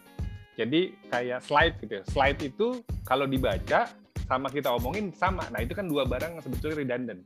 Eh, kita lebih lebih penting dia baca atau lebih penting dia dengar atau uh, lihat kita ngomong. Nah itu bisa dipilah. Jadi satu kali aja bikinnya. Bisa jadi uh, kalau itu memang harus disampaikan secara lisan lebih bagus, lebih baik bikin video. Kalau dia cukup di apa dibaca ya kasih aja bahan bacaan. Nilainya sama. Jadi kalau di di ini kalau uh, mahasiswa baca dan mahasiswa nonton video itu sama. Kalau satu arah ya. Karena mereka uh, sifatnya kan uh, menyerap gitu ya. Jadi ibu tinggal pilih gitu. Bahkan di perkuliahan sebetulnya juga sama. Kalau ibu datang ke kuliah dengan ngomong gitu ya sama mereka nonton video nilainya sama. Tapi kemungkinan menyerapnya lebih tinggi video karena dia bisa lakukan di saat dia maksimum kondisinya. Kadang-kadang kan kalau kita kuliah pas lagi eh, nggak eh, enak badan gitu, jadi sekali miss kuliahnya dia nggak akan dapat lagi tuh. Tapi kalau di video dia akan bisa ulang, ulang, ulang terus. Oh, kemarin nggak ngerti, ulang lagi. Kemarin nggak ngerti, ulang lagi. Nah di sini sebetulnya uh, kita sebagai uh, apa sebagai pengajar gitu ya, sebagai uh, penceramah sebenarnya berguna kalau direkam gitu. Walaupun nanti bisa jadi diulang ketika diskusi dan segala macam bisa, tapi uh, simpenannya ada nih. Jadi kalau misalnya apa uh, mahasiswa harus ulang-ulang itu wajar gitu ya. Seringkali kan uh, ketika uh, kita lihat sesu sesuatu kita kepikiran yang lain miss tapi nonton kedua kali oh dapat nonton tiga kali dapat untuk barang yang sama itu satu hal jadi uh, ada pemis, eh, materi yang sama sebetulnya dalam medium yang berbeda. Itu yang sebetulnya akan dipecahkan di kuliah ini. Jadi ketika kita bertemu dengan mahasiswa di dalam ruang online, itu nggak ceramah. Karena ceramah sudah sudah digantikan dengan video. Yang dilakukan apa? Hmm. Diskusi. Bisa jadi kan, kalau diskusi berarti diskusi ada dua cara. Diskusi yang memang ditanyakan oleh dosen dan dijawab spontan oleh mahasiswa, atau diskusi yang memang dikasih tugas sebelumnya mahasiswa yang lebih aktif. Nah ini ini kalau yang pertama sebetulnya sifatnya lebih ke interaksi. Jadi uh, ada pertanyaan apa, oke dijawab langsung gitu ya. Uh, atau mahasiswa yang nanya kita yang jawab atau jadi bentuknya tanya jawab. Tapi ada yang bentuknya case. Nah yang case ini misalnya kalau mereka sudah nonton video, kemudian ada kasus kasus yang bisa menggambarkan teori itu yang harus dipecahkan oleh uh, mahasiswa, baik berkelompok maupun individual. Uh, uh, nah itu namanya case method sebetulnya. Jadi bisa aja sebetulnya pertemuan pertama yang penting mahasiswa nonton video dan kemudian misalnya mengajukan pertanyaan gitu ya. Jadi sebelum masuk kuliah pertama mahasiswa udah bisa nonton videonya. Ketika pas jam kuliahnya kita ketemu, mahasiswa udah harus punya pertanyaan. Jadi kita langsung diskusi terhadap hasil video. Yang nggak nonton sial itu aja tapi itu kan akan bisa nonton terus itu pertemuan pertama misalnya kalau dalam soal teori dari pertemuan pertama kemudian eh, minggu berikutnya ada satu atau beberapa kas kasus yang terkait sama eh, teori yang pertama tapi dikasihnya sebelum perkuliahan ketika perkuliahan yang kita lakukan adalah diskusi tentang kasus tersebut. Mahasiswa harus presentasi yang seperti Ibu bilang tadi, yang sebenarnya udah dilakukan sama Bu Febri. Jadi mahasiswanya meng, apa, mencoba menjelaskan uh, apa dari kasus-kasus itu. Nah dari kalau udah dari kasus itu udah apa mahasiswanya udah mulai menjawab, respon dari uh, dosen apa respon dari dosen adalah memberi penilaian, memberi penilaian dalam artian benar apa enggak, kekurangannya di mana, pertanyaannya di mana dan segala macam. Jadi fungsi pertemuan sebetulnya fungsi interaksi. Kalau nggak ada interaksi, hanya satu arah, Eh, dosen uh, berceramah atau mahasiswa mempresentasikan itu kadang-kadang nggak perlu ketemu. Karena bisa difasilitasi oleh uh, uh, video, bisa difasilitasi oleh tulisan misalnya. Nah, jadi membayangkan kalau buat saya misalnya yang disebut sebagai case method itu sebenarnya adalah semua proses interaksi diskusi baik uh, apa yang menggunakan kasus dan menggunakan kasus bisa uh, banyak kasus, bisa satu kasus yang ya kalau misalnya uh, acara ya, kalau acara tuh saya sama, saya ngajar uh, uh, model yang sama sama Pak Oni dan Pak uh, Rocky, tapi perancangan. Karena perancangan dia ada tahapan. Jadi enak kita ujungnya udah tahu gitu. Ujungnya pasti akumulasi dari semua dokumen gitu ya. Jadi tahapan-tahapan. Nah, saya bagi semua perkuliahan per tahapan. Sama. Kalau ada yang sifat teoritik, mahasiswa baca atau nonton video. Setelah itu uh, dari video dari dari hasil bacaan dan uh, apa video apa uh, serapan mereka dari video akan ada diskusi. Case misalnya kalau di perancangan peraturan kami bikin jadi 8 langkah gitu ya. Empat langkah pertama untuk naskah akademik, empat langkah berikutnya untuk uh, apa uh, rancangan peraturan. Nah, empat langkah itu kalau dibagikan jadi delapan. Tapi kalau dibikin, jadi kalau setiap langkah ada dua pertemuan, satu untuk membahas kasus, satu mereka presentasi, saya udah dapat 16 kali pertemuan, gitu. Di sela itu diskusinya uh, lewat macam-macam. Kalau lewat LMS nanti, saya nggak tahu apakah LMS sudah digunakan atau nggak.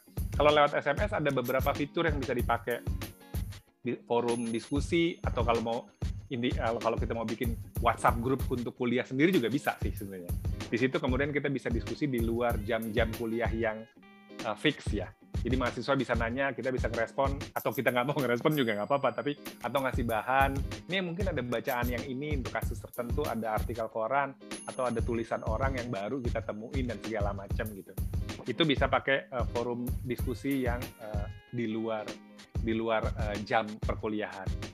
Nah itu itu satu model ya bu ya. Jadi sebenarnya yang yang bapak ibu saya melihatnya sering kali sebetulnya ini udah dilakukan. Cuman selama ini kita karena biasa di dalam ruang kuliah semua dicampur. Jadi uh, diskusi, ceramah, kasus segala macam itu kecampur di dalam di dalam satu dua jam pertemuan itu. Gado-gado nah, ya mas. iya iya karena itu yang yang paling maksudnya emang interaksinya kan sekaligus ya. Karena yep. kita basisnya topik kan. Kalau di uh, apa uh, pem, proses pembelajaran pedagogis kan uh, yang jadi beban kita adalah apakah topiknya ini udah dibahas tuntas. Kalau di kalau di andro andragogi sama etiologi kan yang yang penting bukan topiknya, yang penting mahasiswanya melakukan sesuatu atau enggak. Gitu. Jadi fokus kita bukan di bukan di bobot bobotnya, bobot apakah udah tersampaikan kan kita suka stres ya. Ada yang saya yang saya ingat tuh uh, dulu saya kalau bikin slide itu bisa sampai 100 slide. Padahal satu slide itu bisa dua menit. Jadi kalau 100 saya 200 menit saya ngomong sendiri. Dan setelah uh, dan slide itu penuh gitu tulisannya kecil-kecil udah kayak paper terus ada pada suatu hari saya kalau saya ngomong sama saya baca lebih suka mana ternyata saya nggak terlalu jago ngomong jadi mahasiswa baca aja pak lebih jelas ya udah saya kasih aja kuliah jadi nggak penting tiba-tiba gitu maksudnya oh iya jangan-jangan uh, sayang gitu waktu kita ketemu mahasiswa terus yang kita lakukan hanya uh, apa hanya uh, menyampaikan apa menya membacakan apa yang udah ditulis gitu kan rugi Betul. dua kali sebetulnya. Betul. Nah, um, nah kemudian uh, saya nggak tahu apakah mahasiswanya memang memang memang kelihatan paham atau enggak gitu ya. Jadi yang saya lakukan memastikan mahasiswanya memang mengeluarkan sesuatu supaya kita tahu dia sebenarnya udah sampai mana tahap apa pemahamannya.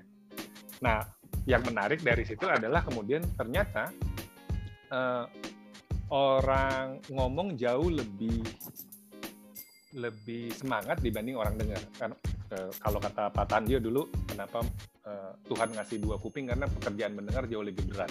Makanya kalau kita ngajar bisa dua jam nggak berhenti ngomong. Kayak saya sekarang ini udah udah berapa menit saya nggak inget lagi gitu. Tapi ngedenger jauh lebih berat. Nah, jadi kalau di kalau kalau kemudian kita balik mahasiswanya aja yang ngomong dia pasti akan lebih semangat. Itu pertanyaannya Pak Rocky di pertemuan yang kemarin. Gimana sih membuat mahasiswa antusias? Kadang-kadang jangan-jangan kasih kesempatan ngomong gitu. Dengan pertanyaan yang yang sebetulnya mereka bisa jawab. Bukan ujian ya tapi pertanyaan yang mereka mau ceritain. Nah um, itu sebenarnya satu pendekatannya. Nah kalau saya ngelihatnya gini uh, yang pertama kita bisa bagi jadi uh, biasanya kan kalau kalau kita patokannya pembukaan gitu ya awal uh, eh, UTS UAS gitu. Yang berhasil kalau di, di di beberapa di beberapa modul adalah UTS eh, UAS kita jadiin uh, ujung apa uh, uh, proyeknya. Jadi kalau proyeknya tadi sebenarnya banyak. Bapak Ibu cuman bedanya adalah selama ini proyek itu tidak ada eksibisinya kalau bahasanya uh, dikti nggak uh, ada nggak orang lain nggak tahu atau kita nggak ngelihat itu sebagai sebuah karya. Nah ini bedanya jadi karya ada eksibisinya. Ya seminar kayak namanya ya uh, apa uh, mood court kalau zaman kita dulu gitu kan mood court itu kan sebenarnya show yang bisa ditonton orang dan itu satu kalau dulu di kampus saya itu ke apa jadi tontonan seluruh kampus tuh kalau udah ada show apa udah kuliah acara pidana sama acara perdata tuh jadi show lah gitu atau sekarang bisa di videoin show-nya itu gitu jadi kalau kalau misalnya uh, pembacaan apa uh, gugatan dan segala macam, suruh mahasiswanya aja membacakan apa uh, uh, di depan di depan layar sebenarnya bisa juga gitu. Jadi karena dia harus baca dokumennya, jadi kita tahu bahwa dokumennya benar atau enggak dan dia perform gitu. Nah bahan perform itu sebetulnya kalau di luar kita banyak nggak tahu. Kalau Pak Oni sama Pak Marun pasti udah tahu bahwa banyak film-film hukum kita tuh jelek. Jelek dalam artian salah sebenarnya secara prosedural. Nah ini sebenarnya bahan bagus untuk mendidik publik kan gitu. Bahwa kalau yang disebut sebagai proses di pengadilan tuh begini loh gitu. Dan diperankan oleh mahasiswa. Jadi sebenarnya acting gitu. Ujungnya adalah video pendidikan sebenarnya bisa dijadikan bahan buat sekolah uh, apa uh, anak mahasiswa, anak anak SMA dan segala macam ini yang dibuat sama anak uh, mahasiswa USU seingat saya, saya saya coba cari lagi nanti ya. Jadi mereka buat sebetulnya uh, perform aja show gitu. Ada yang orang baca ini nih. Jadi kayak pengadilan gitu. Dosennya jadi hakim. Karena pada dasarnya kalau di kalau di perdata kan misalnya memang ya hakimnya nggak perlu terlalu aktif kan gitu. Jadi mahasiswanya lah yang jadi jadi para para para pihak. Nah, jadi selama uh, di ujung sebenarnya lagi buat film tentang satu atau beberapa variasi dari uh, uh, sengketa perdata misalnya. Uh, jadi kontennya juga juga juga penting, prosesnya juga penting, uh, performanya mahasiswa juga juga penting. Dan kalau kalau grup yang modelnya show gitu, kemungkinan besar nggak ada yang lolos, pasti semua jadi berperan. Uh, apa jadi apa pun lah gitu ya. Dan mereka harus harus terlibat. Gitu. Itu satu. Jadi kalau di ujungnya ada, bisa apa pun ya. Saya cuman cuman kasih contoh-contoh yang yang pernah yang pernah saya tahu aja. Atau kalau yang tadi kalau yang kasus, eh, saya eh, buku kumpulan publikasi kumpulan anotasi kasus yang dibuat sama mahasiswa itu kalau di apa di luar penting. Maksudnya eh, yang memang dikeluarkan gitu. Jadi setiap setiap apa uh, reviewnya mahasiswa review terhadap kasus itu jadi buku anotasi kan sebetulnya. Uh, kalau putusannya anotasi putusannya. Yang kualitasnya dikurasi sama dosen. Jadi dosennya yang yang menyatakan bahwa memang ini kualitasnya bagus gitu sebagai anotasi. Nah, eh, buku anotasi itu buku, buku kalau dipublikasikan luar biasa penting uh, buat mahasiswa uh, uh, nantinya ke depan gitu atau bahkan buat praktik gitu. Kalau kualitas kualitas anotasinya luar biasa bagus, dia bahkan bisa jadi pegangan untuk untuk apa untuk untuk lawyer untuk apa pengacara-pengacara. Nah ini yang nanti akan terus meningkat ya. Tapi uh, kalau buat saya pesannya pertama jangan-jangan kalau kita mikirin karyanya, eventnya, uh, produknya dan segala macam akan membuat kita lebih mudah untuk menyusun mata kuliahnya. Misalnya kalau kalau pajak, bu pajak itu tiap uh, saya saya banyak urusan sama banyak urusan sama sama perusahaan sama apa dan segala macam tapi setengah mati kasus pajak tuh aneh-aneh banget ya maksudnya bukan aneh basic tapi uh, karena case-case-nya unik dia jadi sangat sangat penting gitu. Kalau misalnya apa dari uh, urusan peng, penghitungan kasus sengketa dan segala macam kalau itu dikeluarin jadi seri aja itu udah berguna banget. Buat saya jasanya jasa perkuliahan ini iya, luar biasa banget. Pajak itu uh, orang selalu menghindar dari pajak itu, tapi kan Persis. penghindaran pajak itu ada yang legal, ada ilegal. Kayak apa? Misalnya uh, perencanaan pajak dia kan legal dia, bagaimana meminimalkan jumlah pajak itu legal. Tapi kalau udah ngemplang atau apa, prinsipnya orang menghindar dari pajak termasuk saya. Pokoknya pajaknya mau murah, tapi kita dengan cara-cara yang memang dalam undang-undang dibolehkan. Iya dan yeah. berarti kan banyak kasus banyak kasus-kasus menarik yang sebetulnya bisa jadi bisa jadi yeah. bisa jadi podcast misalnya. Oh, iya. podcast yeah. maksudnya mahasiswanya cerita di uh, seperti diwawancara sama temennya tentang kasus pajak tertentu misalnya. Jadi Tapi, nanti uh, ada maaf, uh, Bang Rival kasus pajak itu harus uh, menganalisis putusan atau kasus yang misalnya kayak di clipping itu kan hmm. ada uh, misalnya PT ini ngemplang pajak, hmm. PT apa yang besar itu ya. Itu dianalisis. Nah, itu kan teorinya ada tuh penghindaran ya. pajak ya. kan. Ya. Ya. Itu uh, apa harus putusan sih case-nya itu? Enggak. Maksudnya oh. kalau buat saya yang disebut sebagai case itu kan sebenarnya keterampilan utamanya kalau yang dipakai pakai aturan itu kemampuan mahasiswa mengidentifikasi mengidentifikasi problem dan penyelesaiannya. Jadi mau itu kasus sudah ada pengadilan atau kasus kasus dalam artian problem nggak ada masalah. Jadi kalau misalnya nanti di ujung di ujung kuliah ada seri podcast ya.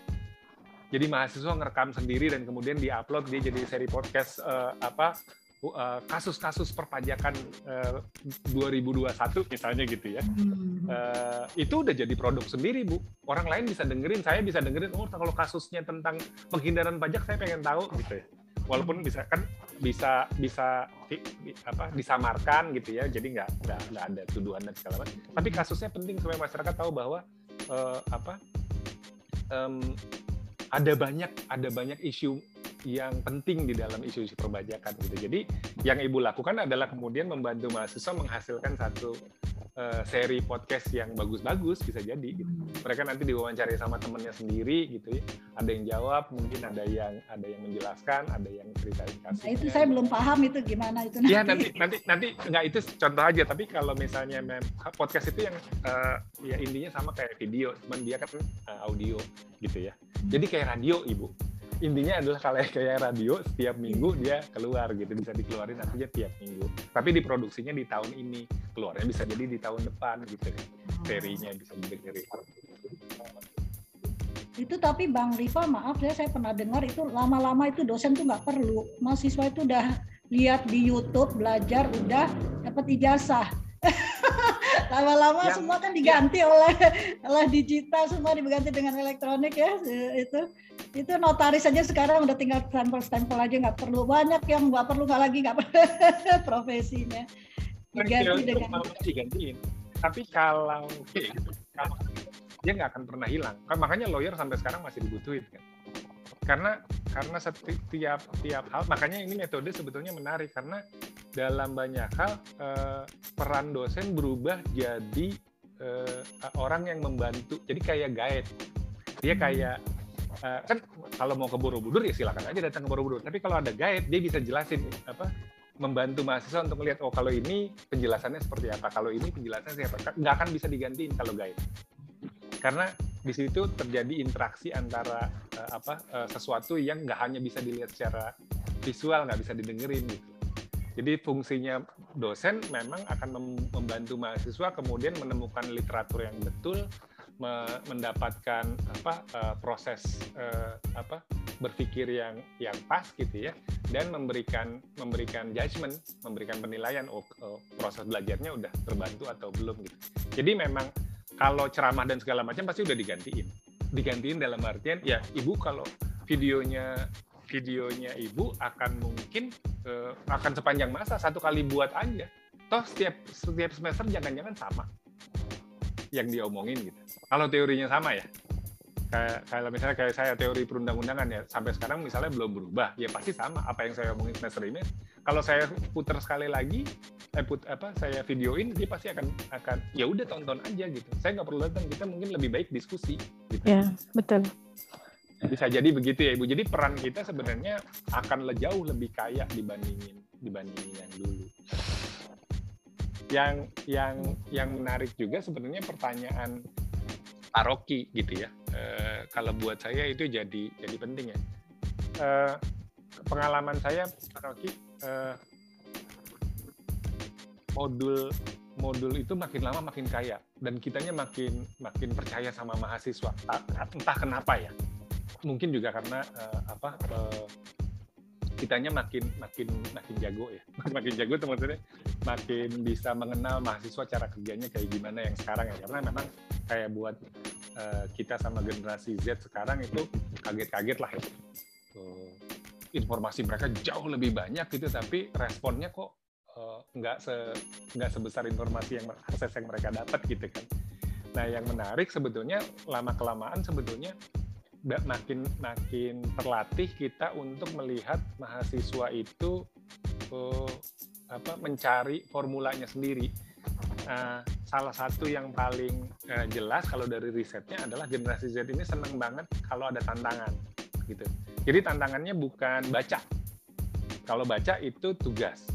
Kalau tantangan adalah membuat bacaan dia jadi tadi jadi infografis tapi sesuatu yang berbeda gitu bukan yang deskriptif tapi ada ada tantangannya gitu. Nah sebenarnya uh, uh, apa dari uh, pendekatan ini kasus dan segala macam pertanyaan kita pasti bukan bukan bentuknya uh, kalau tadi uh, resume ya bahasanya ya. Bukan bukan bukan lagi resume tapi uh, bentuk lain dari resume gitu. Misalnya kalau kalau resume kan uh, ringkasan ya dari dari dari yang kuliah. Tapi kalau dia bentuknya adalah uh, infografis kan dia berarti udah loop kedua namanya. Uh, jadi dari dari ringkasan digambar itu dua kali kerja tuh. Du, maksudnya dua kali proses berpikir. Kalau bisa ditambah lagi, ditambah lagi dia jadi uh, apa uh, kasus, dia jadi loop ketiga karena uh, apa dalam proses dari bikin resume, kemudian jadi gambar, kemudian jadi penyelesaian kasus, itu dia harus ber, uh, apa, berkali-kali membaca bukunya. Nggak mungkin sekali kalau ngeringkas dia bisa nyontek. Makanya nyalin aja jiplak gitu. Kalau jiplak, hmm. kalau kalau acara pidana itu mungkin sama juga di acara perdata misalnya. Awal itu kan selalu bicara sejarah itu. Hmm sejarah dari kuhab tuh gimana kita ngomong gimana nah tapi di dalam modul ini saya masukkan tantangannya adalah eh, kenapa draft UHAP itu nggak pernah selesai? Kenapa polisi selalu menolak? Kenapa jaksa selalu menolak? Nah, temukan itu jawabannya itu. Bikin papernya. Jadi bukan lagi cuma cerita UHAP dulu dari HIR ini. Oke okay lah itu awal-awal ya. Tapi di tengah-tengah saya, saya kasih tantangan tadi itu. Kenapa ini banyak yang menolak UHAP ini, terutama polisi sama jaksa. Nah, cari itu referensinya. Kenapa apa alasan mereka menolak? Kemudian uh, tujuannya adalah bikin analisamu cocok nggak penolakannya itu gitu. Kira-kira begitu mas kalau ya. kelompok oh, pertama tuh. Persis, persis. Itu mau wawancara jaksa aja jadiin satu tulisan bentuknya wawancara itu udah jadi jadi jadi ini sendiri itu jadi produk jurnalistik. Bahkan gitu ya. Satu tugas itu gitu. Jadi kalau dia dikasih nama jangan-jangan uh, kan nggak mesti dapat kesimpulan ya, tapi kalau setiap orang wawancara satu jaksa alasannya sama apa enggak gitu. Ya. Kenapa dia nolak? Itu kan jadi menarik. Kita bisa dapat kalau mahasiswa satu mahasiswa wawancara dua kita dapat 100 jaksa misalnya kalau mahasiswanya 50. Jadi ini tiba-tiba jadi hasil penelitian 100 jaksa alit tuh sebagai hasil penelitian bilang menolak karena apa. Itu jadi menarik kalau masing-masing kemudian jadi wawancara. Tapi saya mulai bayangin, jangan-jangan dari dari hal-hal yang tadi itu jadi luar biasa. Saya ingat banget eh, pidana, saya dikasih tugas sama Pak Tandio dulu. Pak Tandio waktu itu nih eh, di lingkar belajar, cari akar uh, asal dari kata denda jadi uh, akhirnya uh, ke sana kemari nyari dan segala macam kemudian nggak berhasil dalam artian ini ya. Ternyata kata denda itu ya ini ini jadi sampai sekarang saya kayaknya dan jadi buat saya untuk pelajaran pelajaran denda itu dari kayu dendo. Uh, jadi orang orang dulu waktu belum ada KUHP eh, zaman Belanda orang Belanda yang Calvinis kalau lagi ngeliat orang Jawa lagi santai habis dari sawah siang mancing gitu dipanggil terus didendo. Didendo artinya dipukul pakai kayu dicambuk. Nah sejak itu di, apa, eh, orang nyebutnya didendo. Tapi ketika ada KUHP dendo diganti uang. Jadi sebenarnya itu kan sejarah hukum pidana yang uh, trivia ya Nah, ngumpulin trivia-trivia itu aja itu satu tantangan menarik. Maksudnya cerita-cerita yang uh, kita anggap selama ini taken for granted lah gitu ya, wajar gitu ya, membuat mereka akan melihat oh seberapa penting ini sejarah gitu. Jadi bukan hanya topik materinya sejarah, tapi sejarah itu penting membuat kita untuk apa, paham bahwa yang disebut sebagai kata aja bisa berubah-berubah makna dan ininya gitu. Sampai sekarang saya keinget soal tugas dari Pak Tandio itu. Ada tugasnya itu uh, denda, terus uh, apa pedang. Kenapa lambang itu jadi pedang? apa aneh-aneh Pak Tanjo kasih tugas ke saya. Tapi uh, apa buat saya itu itu uh, apa semacam project ya, semacam project kecil-kecilan yang sebenarnya kita semua melakukannya, cuma memang itu nggak dikasih nama aja dan nggak ada eksibisinya bu, gitu. Ya. Jadi kalau buat Anggi misalnya atau um, apa um, tadi Mbak Cipta misalnya uh, tengah uh, kalau kita bagi tiga babak ya, uh, babak pertama itu uh, apa mungkin belum masuk kasus babak kedua kasus gitu ya kita udah masuk ke UTS uh, eh, dan babak ketiga itu mulai ngerjain proyek gitu ya jadi kita ada waktu jangan-jangan kita punya punya apa ya punya punya pembabakan yang membuat kita mempermudah uh, apa bikin modul ini gitu. Uh, bikin aja kayak babak-babak uh, cerita bukan cerita sih. Ya babak-babak penyusunan pro proyek sih sebenarnya. Kasus membantu membantu kita untuk mem membuat mahasiswa paham nanti proyeknya apa gitu. Kayak misalnya kalau proyeknya penulisan ya uh, tadi bikin buku. Saya uh, uh, itu salah satu yang paling sampai sekarang jadi jadi kebanggaan ya. Kalau di di Jentara itu ada sampai sekarang bloknya nggak berhenti. Jadi ada satu proyek kelas saya lupa kuliahnya di Fitri itu kuliah kebijakan publik kalau nggak salah itu tugas mereka bikin blog.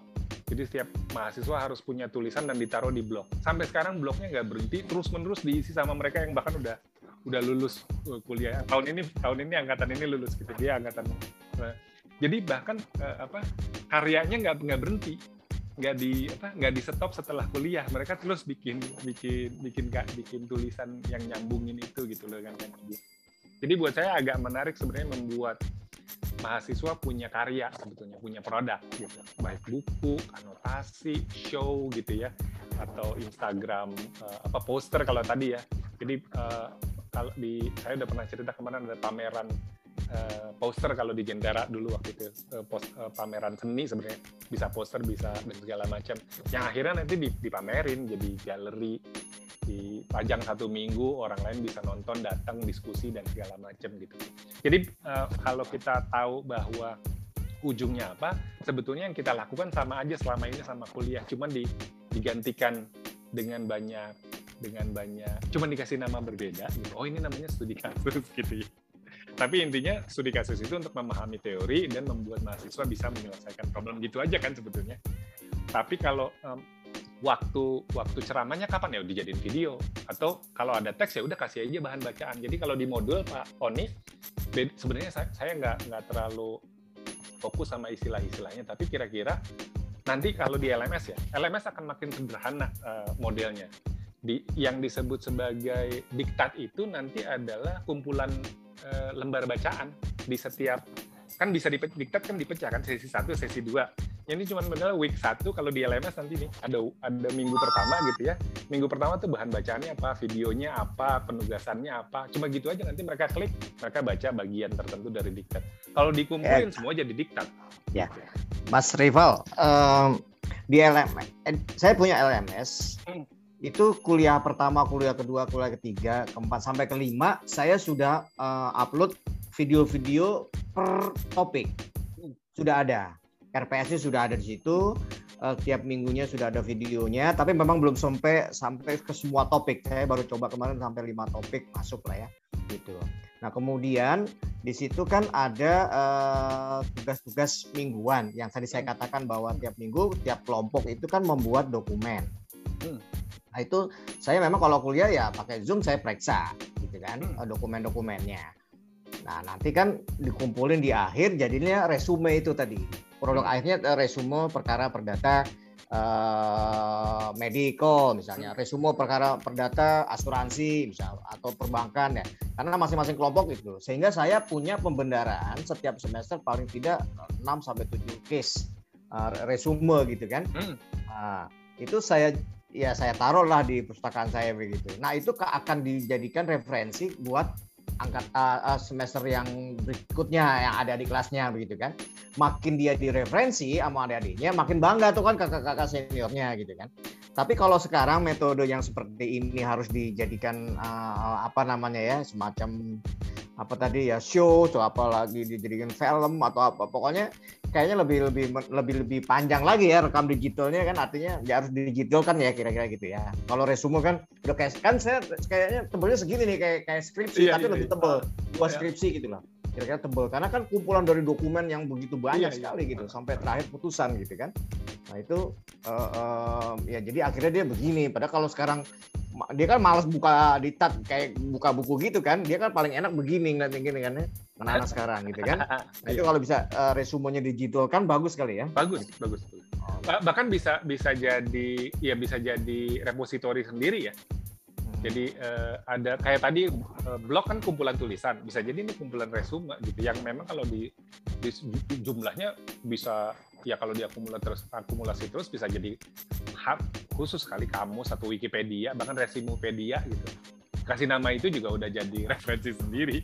Orang kadang-kadang jago ngasih namanya aja pak isinya mah kita jangan-jangan bisa bikinnya. Ngasih namanya jago. Jadi iya. kayak kayak yang bang Rocky cerita tadi misalnya apa yang udah dilakuin itu kan uh, kita nggak kita nggak kita nggak dagangin aja jadi produk. Bedanya cuma itu. Artinya kalau dia dikasih nama dikasih eksebisi dipublikasi di, di marketing itu sama mahasiswanya sendiri gitu ya. Itu udah jadi udah sebenarnya project. Nah tugas kita karena memastikan mahasiswanya bekerja uh, apa uh, riset yang benar, dapat referensi yang benar, punya teman diskusi yang otoritatif gitu ya. Ada yang uh, apa memastik meng, apa ya quality control gitu menjaga kualitasnya kalau tulisan misalnya kayak gitu sih sebenarnya jadi fungsi ya. fungsinya dosen. Saya ada pertanyaan Pak uh.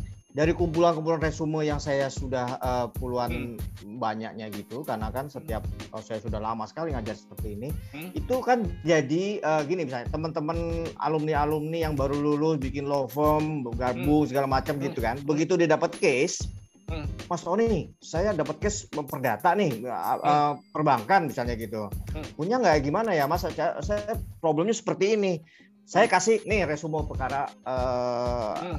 apa namanya kakak-kakakmu nih hmm. perbankan gitu kan. Saya kasih resumenya saya pinjem. Lo mau mana apa dua minggu tiga minggu sebulan ya gue kasih nih. Nanti balikin lagi ya pakai secara terima segala macam. Kan saya gitu suka gitu. Nah itu jadi acuan juga gitu kan bagaimana caranya supaya saya punya dapat nilai lebih nih sebagai dosennya nih jangan lo manfaatin jangan lu manfaatin aja buat kasus lu gua nggak dapat apa-apa nih cuman gua buat nyimpen nyimpen aja nih kan gitu loh Nah, gitu Bisa. gimana caranya supaya kita jadi apa diformatkan gimana supaya saya dapat kum, saya dapat uh, apa namanya? Terbitin, uh, Mas. Gitu ya. Bisa diterbitin, uh, bisa dibuat digital.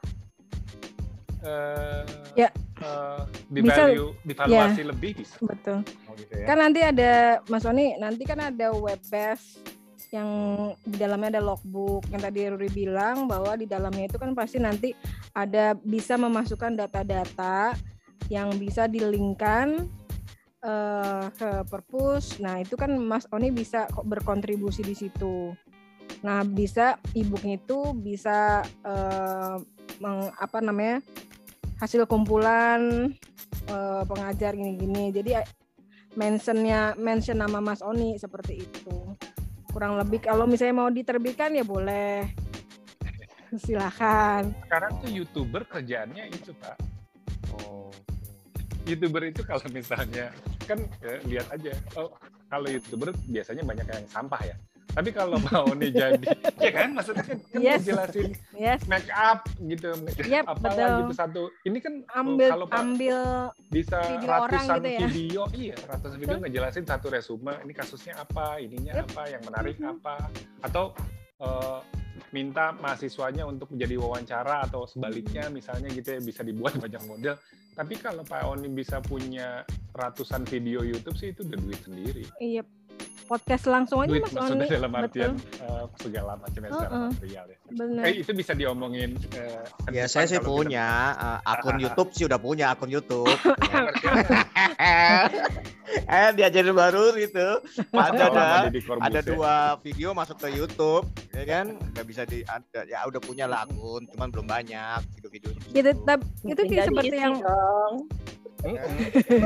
seperti yang Mas Mas Rival bilang itu digitalisasikan saja Mas Oni bersama mahasiswa. Kan bisa dengan podcast resume ini resume ini pasti ada juga oh, ya, uh, yes di, seperti di, itu. di, di, di, dibicarakan ya, ya tanya betul, jawab gitu kayak podcast itu ya. Bener. Iya. itu lebih eh. lebih enak. Jadi nanti jadi Corbuzier sama tamunya gitu kan ya. Ya jadi yang perlu digarisbawahi nanti uh, tipe belajar ngajar kita yang tadi Mas uh, Rival bilang kalau tatap muka dengan apa video pembelajaran sama bobotnya kenapa kita nggak ambil yang video saja yang langsung di kelas sudah langsung kita diskusi. Ya daripada kita ngoceh di dalam di dalam zoom tapi hasilnya belum tentu juga firm. Nah makanya itu mas Rival tahun lalu saya bikin satu uh, apa namanya materi-materi yang untuk uh, satu untuk satu semester dan saya sampai sekarang pakai. Nah itu yang sudah uh, Mas Rival uh, lakukan sebelumnya pasti. Nah itu saya sudah melakukan itu juga seperti itu. Jadi sampai kapan pun itu tetap dipakai. Gitu. Itu bisa juga. Uh, nah mumpung sekarang ini teman-teman kita ada Mas Lulu, ya kan, Mas Lulu yang bisa uh, memfasilitasi kita ya kita apa namanya kita uh, pergunakan saja kesempatan ini untuk membuat video-video yang tadi Mas Rival bilang berapa 6 menit, 6 menit mata apa namanya materi-materi yang mau diajarkan satu semester besok. Tinggal langsung diskusi deh. Udah enak Mas Oni, ya kan? Nggak nggak nggak nggak apa ya? Nggak wasting time gitu lah. Jadi di LMS video saya 5 itu lanjutin sampai terakhir, topik-topik terakhir. Yep. Kemudian resumenya saya ajak uh, mahasiswa atau Pak Rocky untuk jadi bikinin podcast gitu ya. Yep. Terus di videoin, nah, terus di videoin. Betul. Begitu di videoin. 25 Spotify berapa 25 perak loh satu kali dengerin. Yep, oh, dapat dulu. Enggak maksud saya kumnya, saya mau ngajar kumnya aja. Kalau satu tag satu tag uh, podcast gitu, satu resume dibahas berdua dialog segala macam di videoin, nah itu dapat poinnya berapa? Kalau kumnya apa nih? gitu, itu ya? bisa bisa dibuat tuh. Kalau selama ini kan uh, hitungannya publikasi ya. Publikasi radio publikasi iya itu kan TV. ada yang disebut dengan karya audio visual itu pak ya, Oni kalau nggak salah lima oh, deh gitu. hukumnya mm nah itu dia. Nanti saya ngajarin itunya sih HKI kan. Ya. Udah. Saya, Terus nggak mau jadi youtuber juga, tapi pengen juga pengabdian um. masyarakat juga ya Bu Mirna ya. Betul. Jadi oh, satu betul satu project itu akan banyak ininya banyak banyak banyak hasilnya.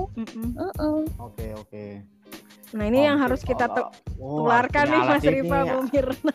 Harus kita harus punya alat itu Temen, podcast tuh yang dialog uh, tuh dua speaker tuh yang dudukan bareng tuh. Kau usah itu mah pakai pakai itu install apa tuh ada di Anchor, pakai Anchor, pakai Anchor. Spotify ya. Terus nanti masuk ke Spotify. Ah susah dah kalau ngomong sama Harvard.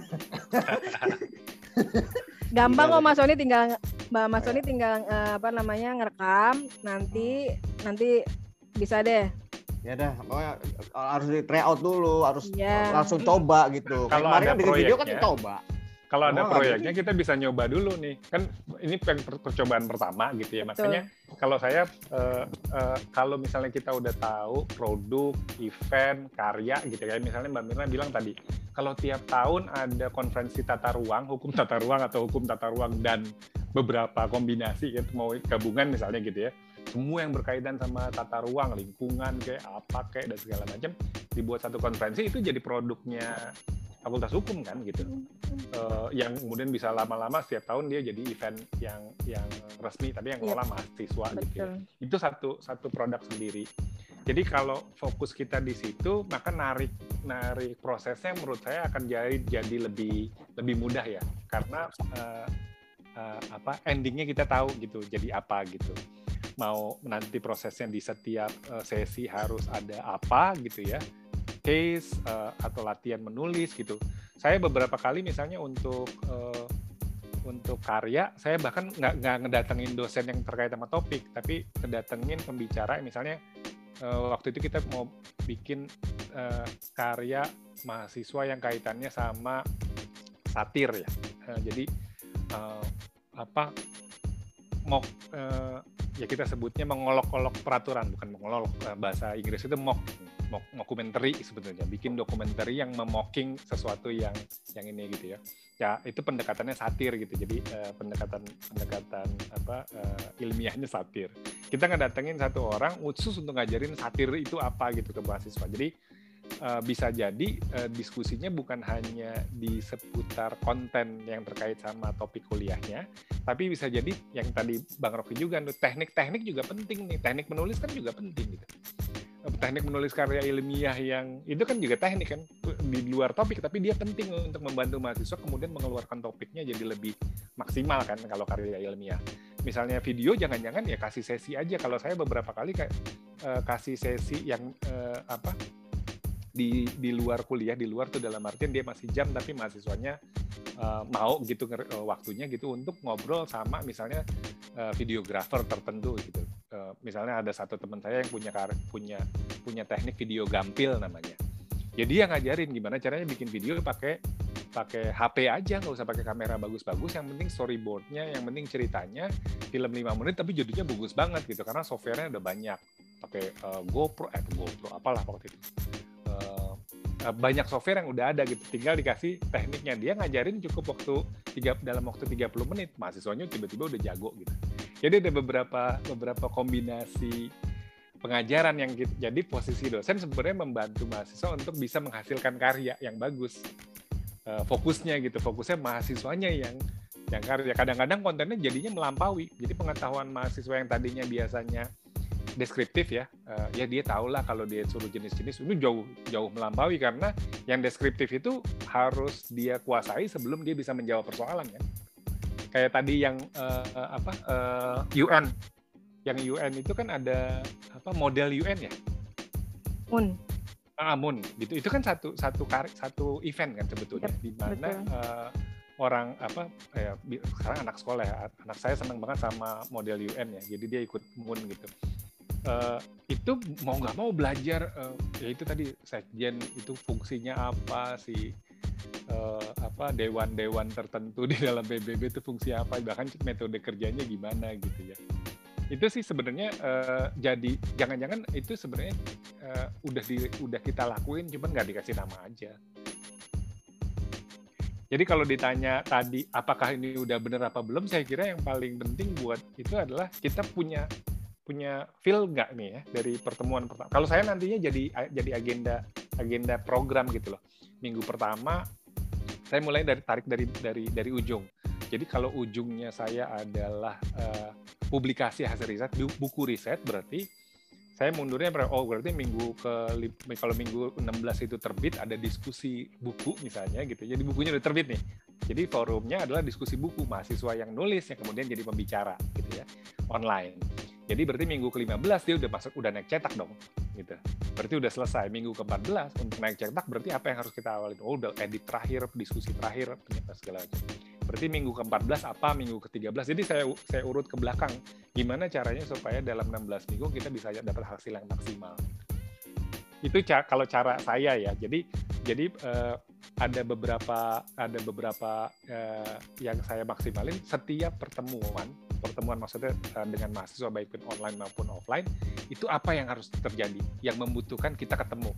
Kalau yang nggak membutuhkan kita ketemu berarti harus buat video atau bagi tulisan. Mahasiswa bisa melakukannya di tempat lain. Jadi ketemu kita sama mahasiswa itu hanya kalau ada interaksi. Dan interaksinya itu yang berkaitan sama produk gitu. Mengasah uh, najemin uh, tanya jawab gitu ya. Mereka presentasi latihan misalnya. Jadi bentuknya kayak latihan sampai sampai final sampai nanti masuk babak final. Di ujung. Saya ngebayangin nih bang Roy jadi kalau misalnya udah ada skenario itunya itu akan lebih akan lebih memudahkan kita. Di beberapa kasus sebetulnya uh, kita berubah di tengah jalan. Misalnya oh, ternyata mahasiswanya kayaknya nggak pas nih gitu ya. Hmm. uh, ubah. Cuman uh, kita tahu tujuannya tetap dapat gitu ya. Uh, apa karyanya diganti gitu. Uh, waktu itu saya ganti misalnya dari dari apa dari bikin video jadi uh, uh, uh, layanan masyarakat jadi jadi penyuluhan. Uh, mahasiswanya ternyata uh, dari sisi uh, proses mereka lebih lebih cocok kalau mereka datengin kampung dan kemudian ketemu sama banyak orang. Jadi bikin bikin acara di satu kampung dan mereka bikin penyuluhan tentang sesuatu gitu. Itu juga juga juga kalau kalau bayangan saya sebagian sebagai karya atau yang namanya terakhir advokasi gitu. Bikin naskah akademik itu real gitu. Yang yang jadi penguji bukan hanya saya tapi teman-teman LSM yang mau advokasi kan karena mereka mau pakai barangnya si ma si mahasiswa ini gitu. Saya juga nggak mau malu gitu. Jadi eh, hasil naskah akademik sama rancangan uh, undang-undangnya itu beneran akan dipakai langsung gitu itu bisa dianggap sebagai bagian dari dari karya. Jadi kalau di ujungnya apa kita tahu, bayangan saya narik mundurnya sampai ke kuliah pertemuan pertama itu akan lebih gampang. Bahan apa yang harus kita sediain juga akan jauh lebih mudah sih. Alhamdulillah banget nih, benar deh. Mas Rival nih saya langsung kepikiran nih untuk materi Bururi Bururi harus mata kuliah semester besok ya? Yang pertama ini kalau kalau bayangan saya kita coba aja semaksimal mungkin ya karena kan banyak banyak keterbatasan ya waktunya pendek dan belum tentu uh, timnya juga siap. Tapi uh, uh, semester depan itu itu mungkin udah akan jadi yang lebih lebih pas. Tapi ini yang eksperimen saya kalau ya, saya, saya kira ya.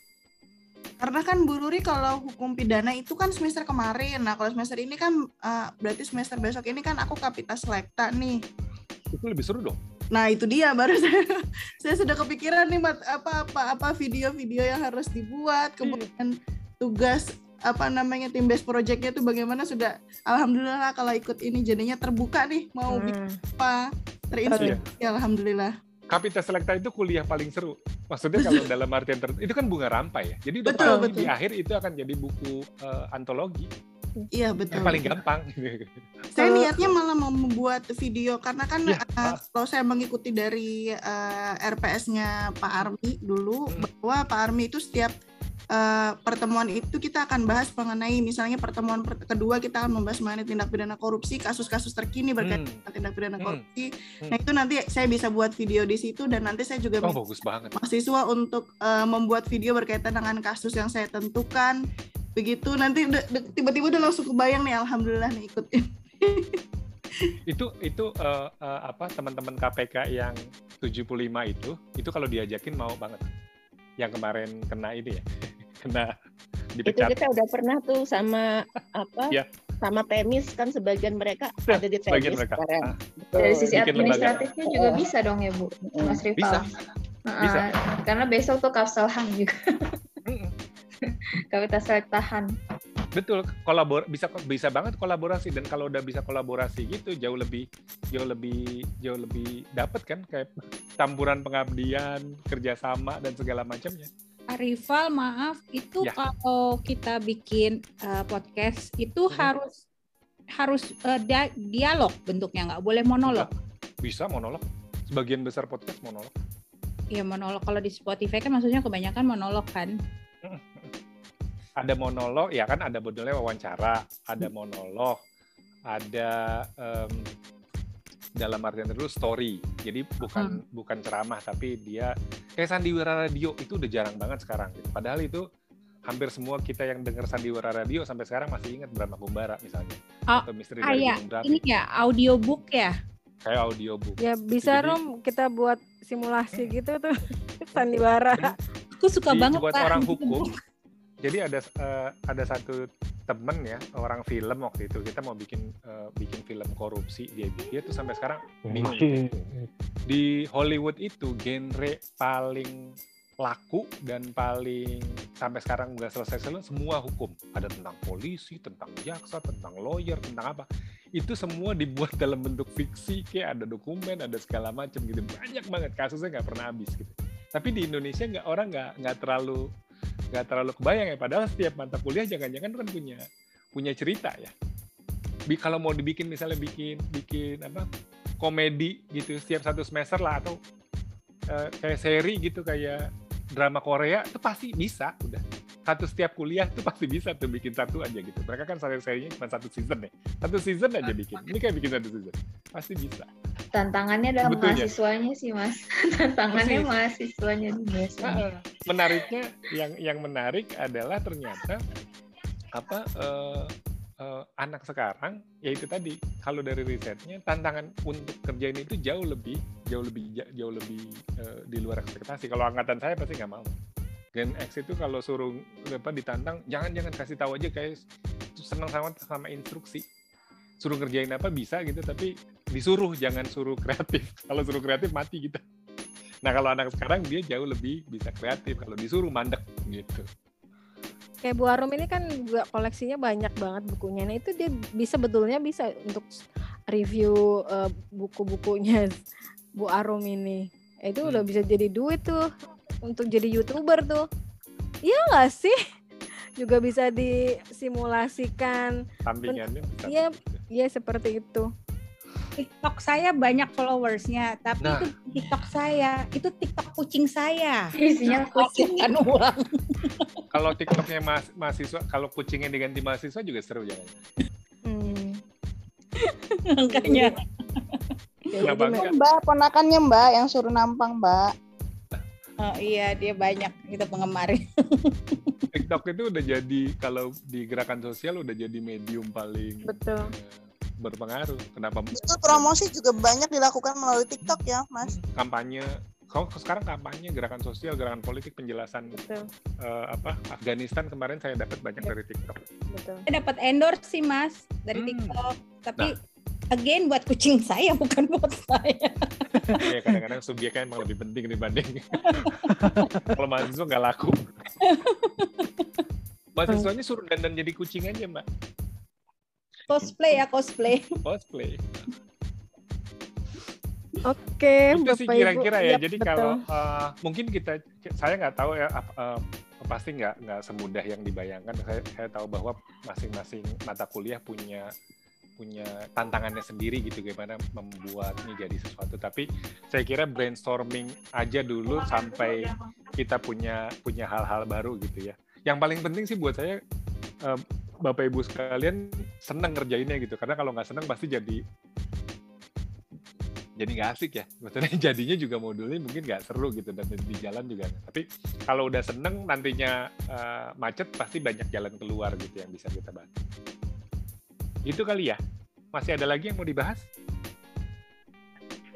Saya nanti akan kasih komen di setiap dokumen ya. Oke. Okay. Atau Siap. atau apa usulan gitu kalau Siap. misalnya apa biar biar dapatnya rata gitu semuanya. Betul. Terima kasih. jadi Terima kasih. Setengah jadi. saya saya bukan setengah lagi. Se seperempat seupil. Bang Rival, makasih banyak ya ilmunya. Makasih banyak ya. juga Bu Febri. Ya Bu, Bu Febri, jadi kita bisa. Makasih banyak. Ampun. Ya, Bu Febri. Saya ini udah tua loh Bang Rival, jadi gaptek itu gimana ya? Bu, kalau misalnya Ibu. Ibu punya seri tentang hukum pajak itu dicari banget sama semua orang saya tuh udah setengah iya. mati iya. nyari nyari bener, apa literatur apa cuman saya gaptek kalau pakai nah, itu gunanya mahasiswa bu. Teknologi mahasiswanya yang buat gunanya mahasiswa. Gratisan. Iya benar benar sih Ya saya cobalah semampu saya. Hmm, yang penting ibu bantu kontennya kan, mahasiswa yang bantu bikin bikin dia jadi hmm. produk gitu. Iya, betul. Yang paling penting kalau ibu kontennya bantu mereka. Tapi yang dengan mahasiswa, mahasiswa. Iya. Febri. Iya ya. Sahabat, jangan jangan betul. marah mulu sama mahasiswa. Jangan. Bersahabat, berkolaborasi gitu loh. Benar. Dari benar. misalnya lima, ya Iya. Banyak masukannya. Sama-sama nanti saya saya bisa kalau misalnya udah ada beberapa hal yang bisa saya kasih catatan di setiap dokumen saya kasih catatan deh. Tapi saya lihat sih sebetulnya dalam proses kita apa uh, masing-masing udah punya udah punya skenario gitu. Nah kadang-kadang kalau dituangin dari jadi RRPS, RPS dia suka susah. Tapi di kepalanya sebenarnya ada gitu loh kayak bikin kayak bikin apa 16 kali pertemuan udah tahu kok sebenarnya apa yang akan terjadi kan gitu kadang-kadang formatnya aja mungkin jadi rada beda ya, ya. gitu ya Ya, jadi uh, jadi uh, kita coba di awal tatap muka itu bukan teori, udah langsung case, terus uh, justru teori-teori di belakang yang tadi dari uh, khusus ke umum gitu. Bisa begitu sebenarnya tergantung nyamannya. Cuman kayak misalnya ibu punya video nih bu, videonya tentang teori tertentu. Uh, kan bisa ditonton di depan atau ditonton di belakang terserah aja kan oh iya Benar. iya kan tapi uh, yang paling penting ibu bisa rekaman jadi kalau nanti mau ngatur oh kayaknya nih mendingan ditaruh di depan nih jadi ya mahasiswanya nonton hmm. dulu baru kita bahas betul, kasus betul. tapi kalau hmm. kayaknya ibu lagi mood mahasiswanya bahas kasus aja dulu biar mereka ngeraba-ngeraba hmm. ntar kalau ini videonya di belakang kan jadi lebih enak buat ibu mau oh, jadi fleksibel ya jadi lebih fleksibel Iya. jadi lebih lebih enak juga buat buat ibu ngatur ritme kan sebetulnya kadang-kadang kan kuliah kayak kayak ngatur apa bikin musik ya? Naik yeah. turun naik turun. Yeah, ya. betul. Kitanya juga naik turun males.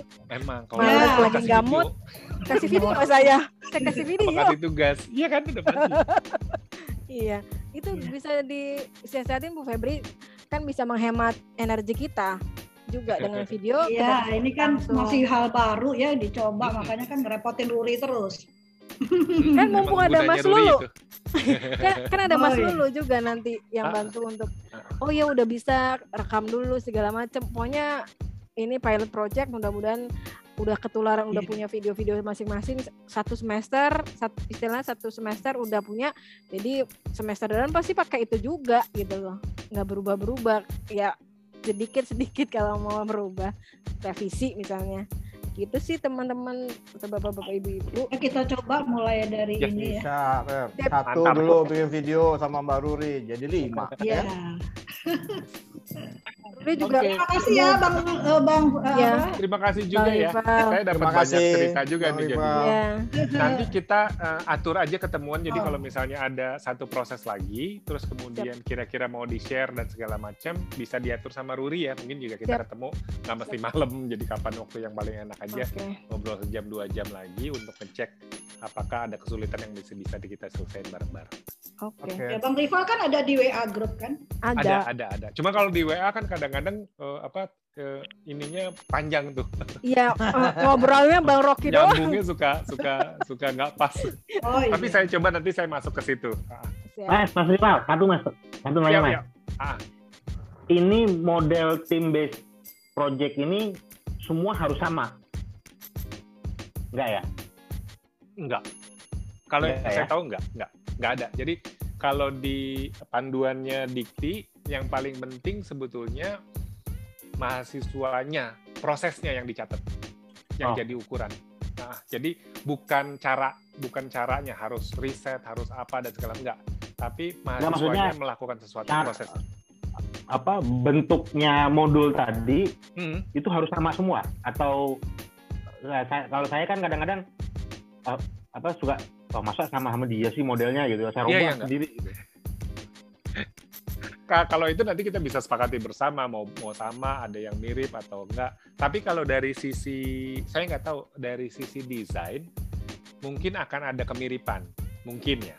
Karena kalau kalau dia di, dijadiin satu kan biasanya ada pola. Jadi polanya sama. Tapi kalau misalnya ada variasi di pola itu saya kira sih bisa aja ya kan nggak oh. maksudnya kadang-kadang membosankan juga kan kalau setiap ini sama semua gitu.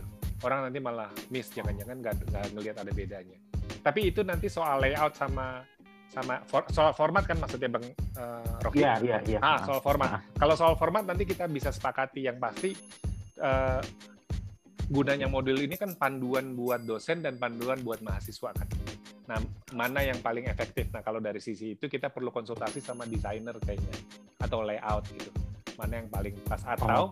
kalau misalnya Bang Rocky punya usulan satu desain tertentu yang kira-kira paling pas, saya kira bisa juga gitu. Jangan-jangan uh, itu yang mau yang yang yang bisa di apa ya, bisa diikuti sama teman-teman semua.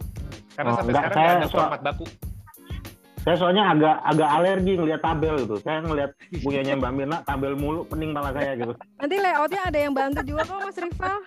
ya ya makanya. Ya kan? Uh, saya nggak nggak punya khawatir. Uh, nggak punya uh, say di situ gitu. Kalau buat saya yang paling penting dari layout sama desain itu dia memudahkan pembacanya.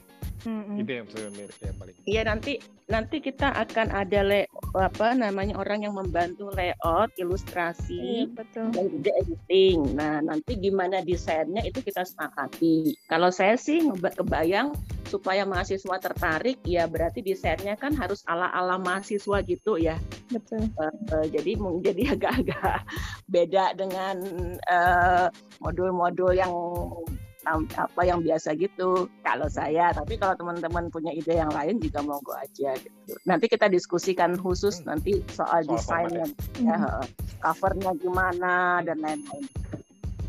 Sayang satu, sekali ya. Paling satu hal aja yang perlu saya tanya nanti, apakah si format ini juga akan ditransfer ke formatnya ya, ditransfer ke LMS? Karena biasanya nanti kalau kalau kalau ini adalah dua dokumen yang harusnya tidak membingungkan, dia harusnya punya kesejajaran lah, gitu ya. Di Bisa transfernya, sih. Nah, Bisa. paling itu aja yang perlu didiskusikan ya, pertanyaannya. Oke. Oke. Ya, jadi Kalau sayang gitu. sekali ya Mas rivalnya banyak yang nggak mau. Ini kesempatan sekali udah layoutnya di kadang-kadang perlu ada yang nunjukin dulu juga. Kalau nggak ada contohnya belum tentu. Betul. ini kan? Iya betul. Iya. nanti kalau udah kita udah punya wih gue nggak ikutan. Mm-hmm. oke deh batch dua kita buka.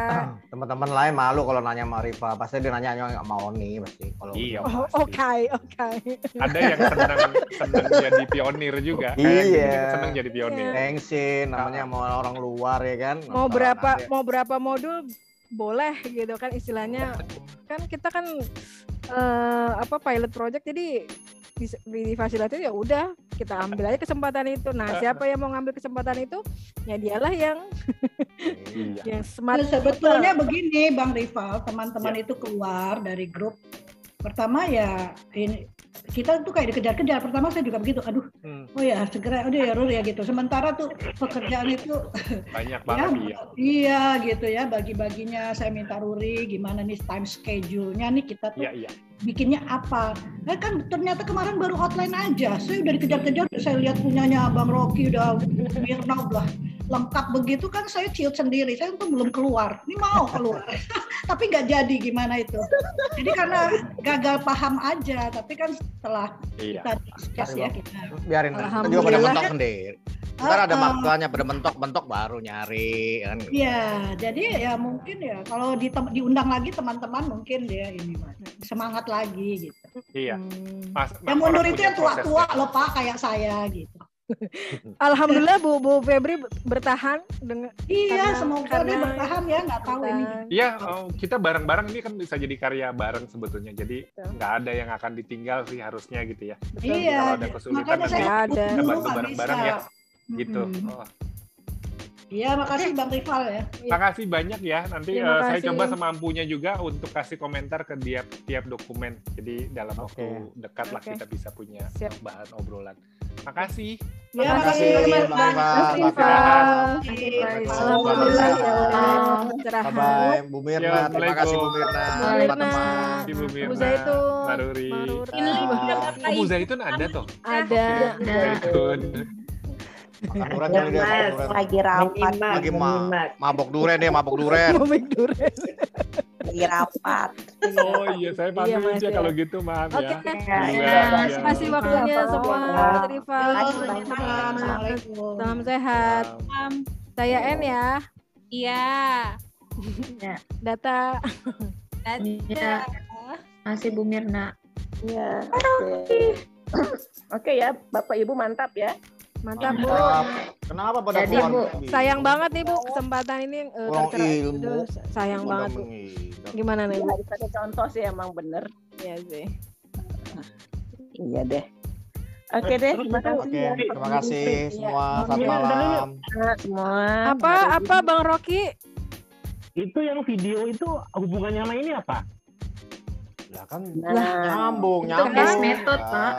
Video itu studio itu disediakan Amin, untuk misalnya tadi misalnya kita ingin menjelaskan satu teori tertentu gitu loh.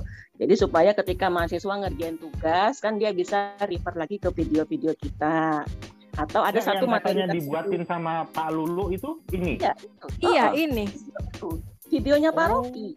Video Bukan video mahasiswa Kalau udah ya. sendiri ya nggak apa-apa kan apa-apa, tinggal lu nanti tunjukin ke dia, ke Pak Lulu, udah bener belum, apanya nih yang kurang kan begitu. Ya kan? Atau mau diedit videonya. Uh, uh, mau diedit kan itu audio visual kan harus gambarnya bagus, tampilannya bagus, suaranya oh. bagus ya kan. harus begitu. Apalagi kan yang nonton uh, generasi Z, jangan lo pikir bisa ditinggal video lo di lima menit. Gue di gue kasih 15 menit ditonton cuma lima menit tuh gue akan kurang aja kan tinggal kok nggak nonton terus? Abis kan ya boring pak. Bapak juga udah jelasin di slide lu lagi deh bang tuh kan ada iya, masuk lima menit ngomongin apa ya? Iya, tapi padat, tapi itu serunya. Di situ, lu kira ngomong sama siapa? Kita generasi Z yang lu hadepin bawaannya cuman ah kan Bang Rocky bisa 40 ngomong. menit. Tapi kalau di atas 15 lo susah nguploadnya, upload berat, nggak bisa. Ke mana? Ke LMS. YouTube aja, nggak usah buka LMS. Boleh nggak? Nah, kan kita harus pakai Boleh. LMS. Nggak apa-apa. Jadi kalau di YouTube itu link iya, aja. Ya, linknya aja bisa hmm. gitu. Hmm. Ya, tapi kan kalau di situ udah ada kan tinggal eh enak dia langsung strip. Gitu. Emang okay. yang bagus ya. Oke, okay, semuanya. Ibu, silakan okay. mem mem mem memikirkan materi yang mau dibuatkan videonya tentang apa. Nanti yeah. kita buatkan pertemuan dengan timnya Lulu mm -hmm. supaya explore dulu idenya apa segala macam kan mereka perlu ngerti juga ya.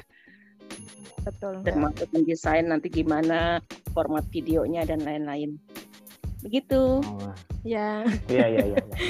Tapi yang jelas kontennya adalah materinya Bapak. Iya. Uh, tapi kan nggak nggak semua topik kan, cuma hanya topik tertentu kan? Yang jelas kita menyiapkan dua slot untuk membuat video. Monggo dipilih dari eh, materi itu yang mau dibuatkan dengan fasilitas ini yang mana. Dua slot maksudnya apa Mbak? Dua video. Dua video. Jadi gini. Oh. sama uh, untuk satu modul itu itu kita kasih slot untuk videonya dua. Jadi video itu adalah sifatnya suplemen untuk modul. Jadi istilahnya semacam bahan bacaan kan. Bahan bacaan dalam bentuk video gitu loh.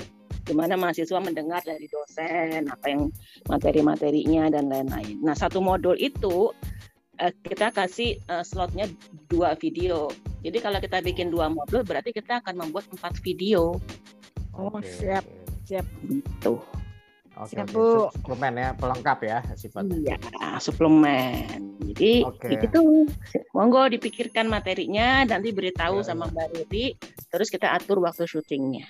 Berarti bikin ini dulu, skripnya dulu ya, eh, iya. sinopsisnya kira-kira, ya. rangkanya dulu, uh rangka kontennya. Oke. Paham. Terima kasih Bu Mirna semuanya. Terima kasih Bu. Terima kasih Mbak. Terima kasih. Bye. Selamat malam.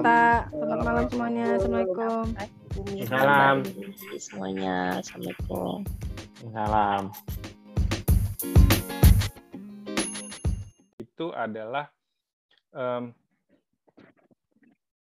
uh, bobot apa apa bobot bagian-bagian dari si perkuliahan kayak tadi kalau kalau paling paling gampang tadi uh, ngambil contohnya yang dari terakhir ya Bu Febri ya kalau teori gimana gitu karena kan uh, kebiasa bukan hanya kebiasaan tapi banyak sekali model uh, uh, pembelajaran itu modelnya deduktif jadi dari yang uh, umum teori terus kemudian baru kita masuk ke kasus kan gitu ya nah kalau di uh, pendekatan team based project atau case method sebenarnya teori di belakang. Nah, ini yang memang kadang-kadang bikin bingung buat kita yang merasa bahwa logika itu uh, dari umum ke khusus, bukan dari khusus ke umum gitu. Nah, uh, ini yang sebetulnya memang rada uh, perlu didiskusiin ya. Kalau buat saya sih sebenarnya kombinasi selalu gitu ya. Uh, karena di dalam kasus pasti ada teori, di dalam teori pasti ada kasus. Nggak mungkin itu di, di apa di, dipisahkan secara langsung atau jangan-jangan belajarnya bisa berbarengan.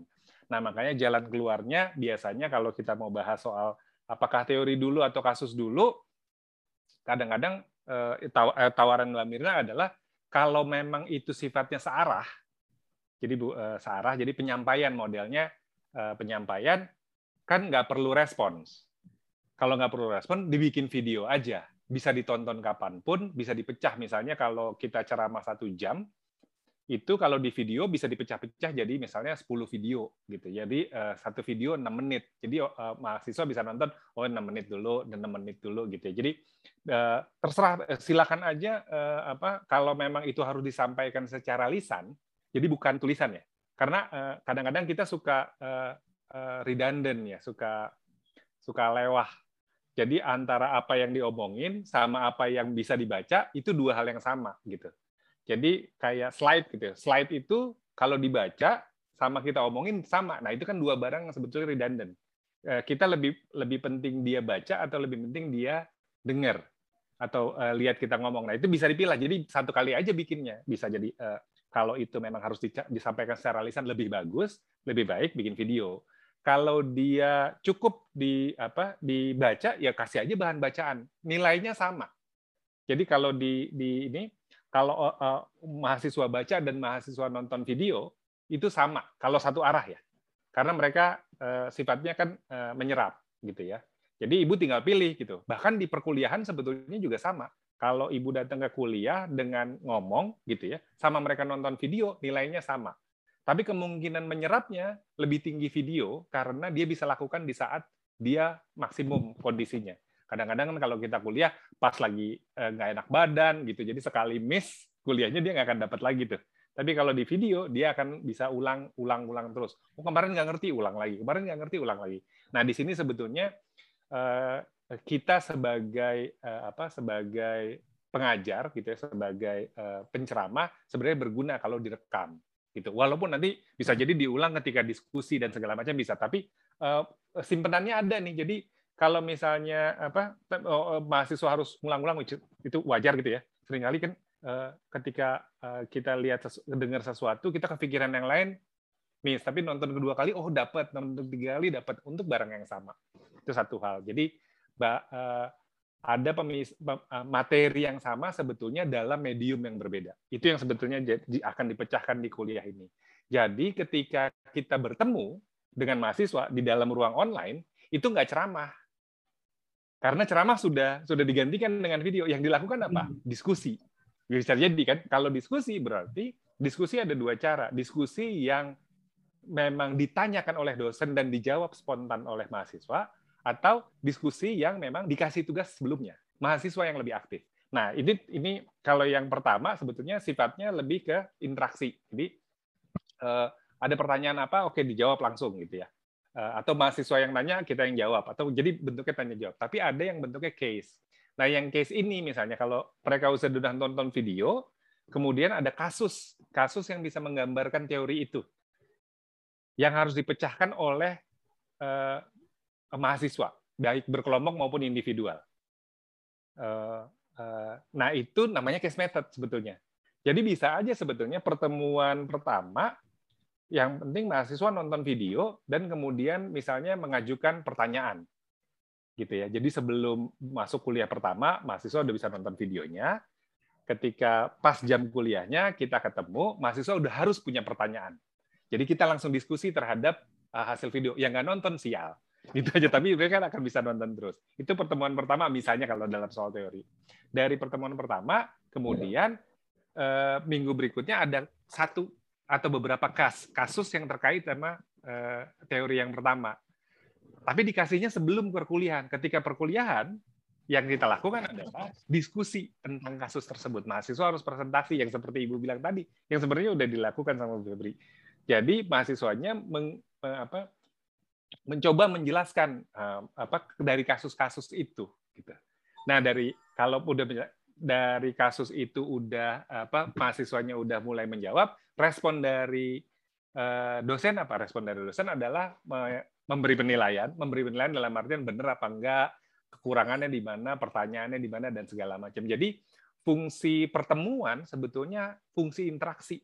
Kalau nggak ada interaksi, hanya satu arah dosen eh, berceramah atau mahasiswa mempresentasikan itu kadang-kadang nggak perlu ketemu karena bisa difasilitasi oleh eh, video bisa difasilitasi oleh tulisan misalnya. Nah, jadi membayangkan kalau buat saya misalnya yang disebut sebagai case method itu sebenarnya adalah semua proses interaksi diskusi baik eh, apa yang menggunakan kasus dan menggunakan kasus bisa uh, banyak kasus, bisa satu kasus yang ya kalau misalnya uh, acara ya, kalau acara tuh saya sama, saya ngajar uh, uh, model yang sama sama Pak Oni dan Pak uh, Rocky, tapi perancangan. Karena perancangan dia ada tahapan. Jadi enak kita ujungnya udah tahu gitu. Ujungnya pasti akumulasi dari semua dokumen gitu ya. Jadi tahapan-tahapan. Nah, saya bagi semua perkuliahan per tahapan. Pertama, kalau ada yang sifat teoritik, mahasiswa baca atau nonton video.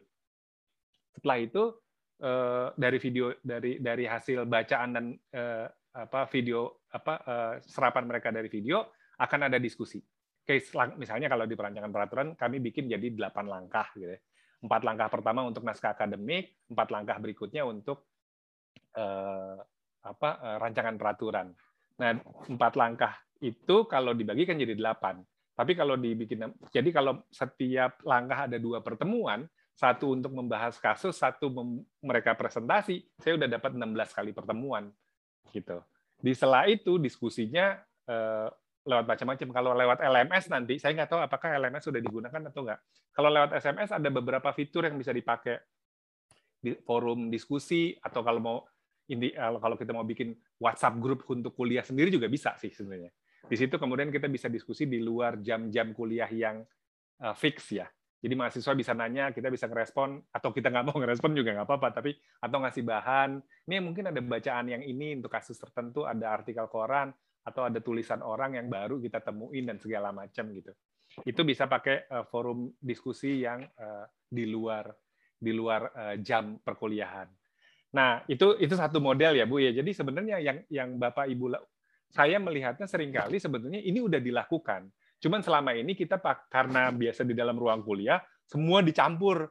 Jadi uh, diskusi, ceramah, kasus segala macam itu kecampur di dalam di dalam satu dua jam pertemuan itu. Gado-gado nah, ya mas. Iya iya, karena itu yang yang paling, maksudnya emang interaksinya kan sekaligus ya. Karena yep. kita basisnya topik kan.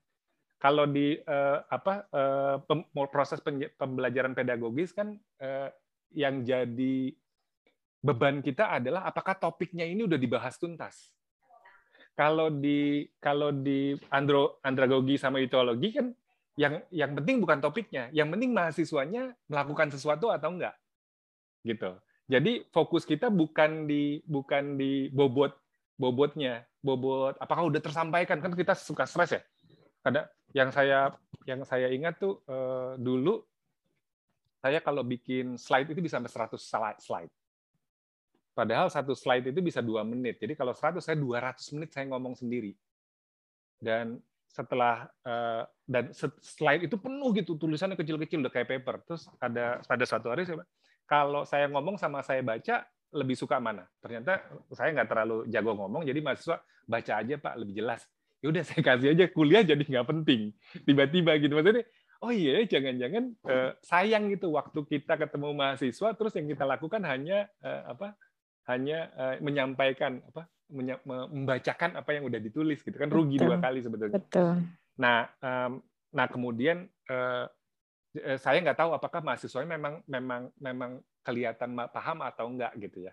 Jadi yang saya lakukan memastikan mahasiswanya memang mengeluarkan sesuatu supaya kita tahu dia sebenarnya udah sampai mana tahap apa pemahamannya.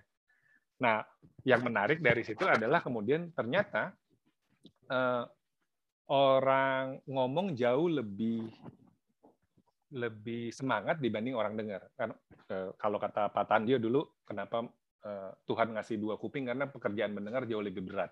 Makanya kalau kita ngajar bisa dua jam nggak berhenti ngomong kayak saya sekarang ini udah udah berapa menit saya nggak ingat lagi gitu.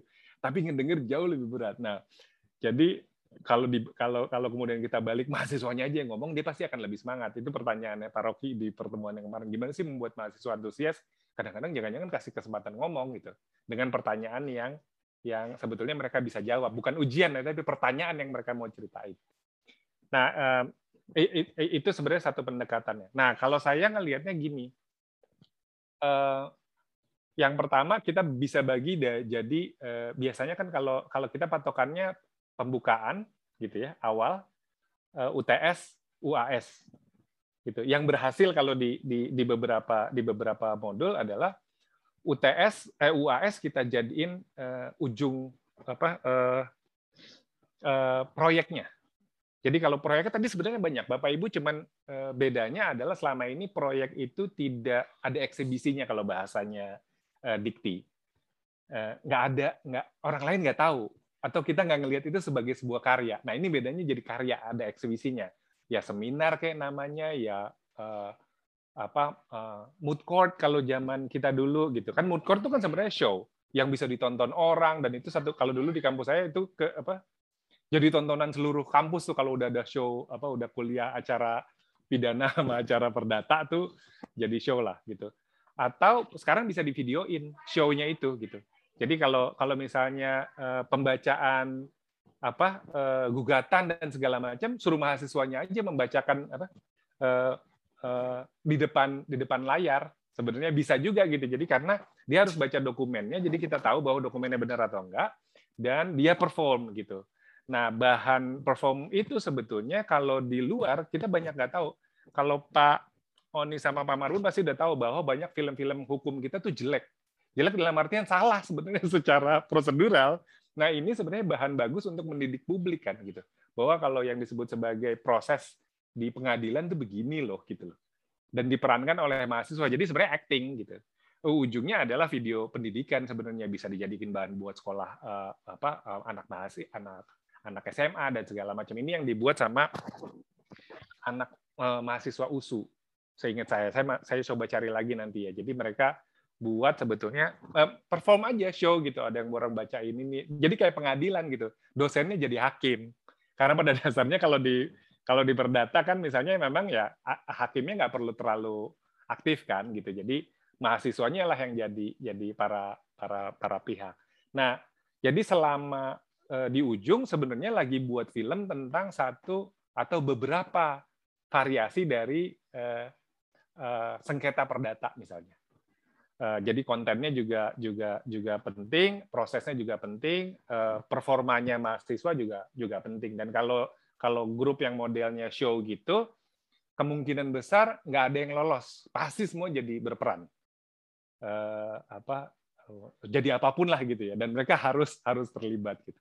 Itu satu. Jadi kalau di ujungnya ada bisa apa pun ya. Saya cuman cuman kasih contoh-contoh yang yang pernah yang pernah saya tahu aja. Atau kalau yang tadi kalau yang kasus eh, saya eh, buku kumpulan publikasi kumpulan anotasi kasus yang dibuat sama mahasiswa itu kalau di apa di luar penting. Maksudnya eh, yang memang dikeluarkan gitu. Jadi setiap setiap apa reviewnya mahasiswa review terhadap kasus itu jadi buku anotasi kan sebetulnya. Kalau putusannya anotasi putusannya.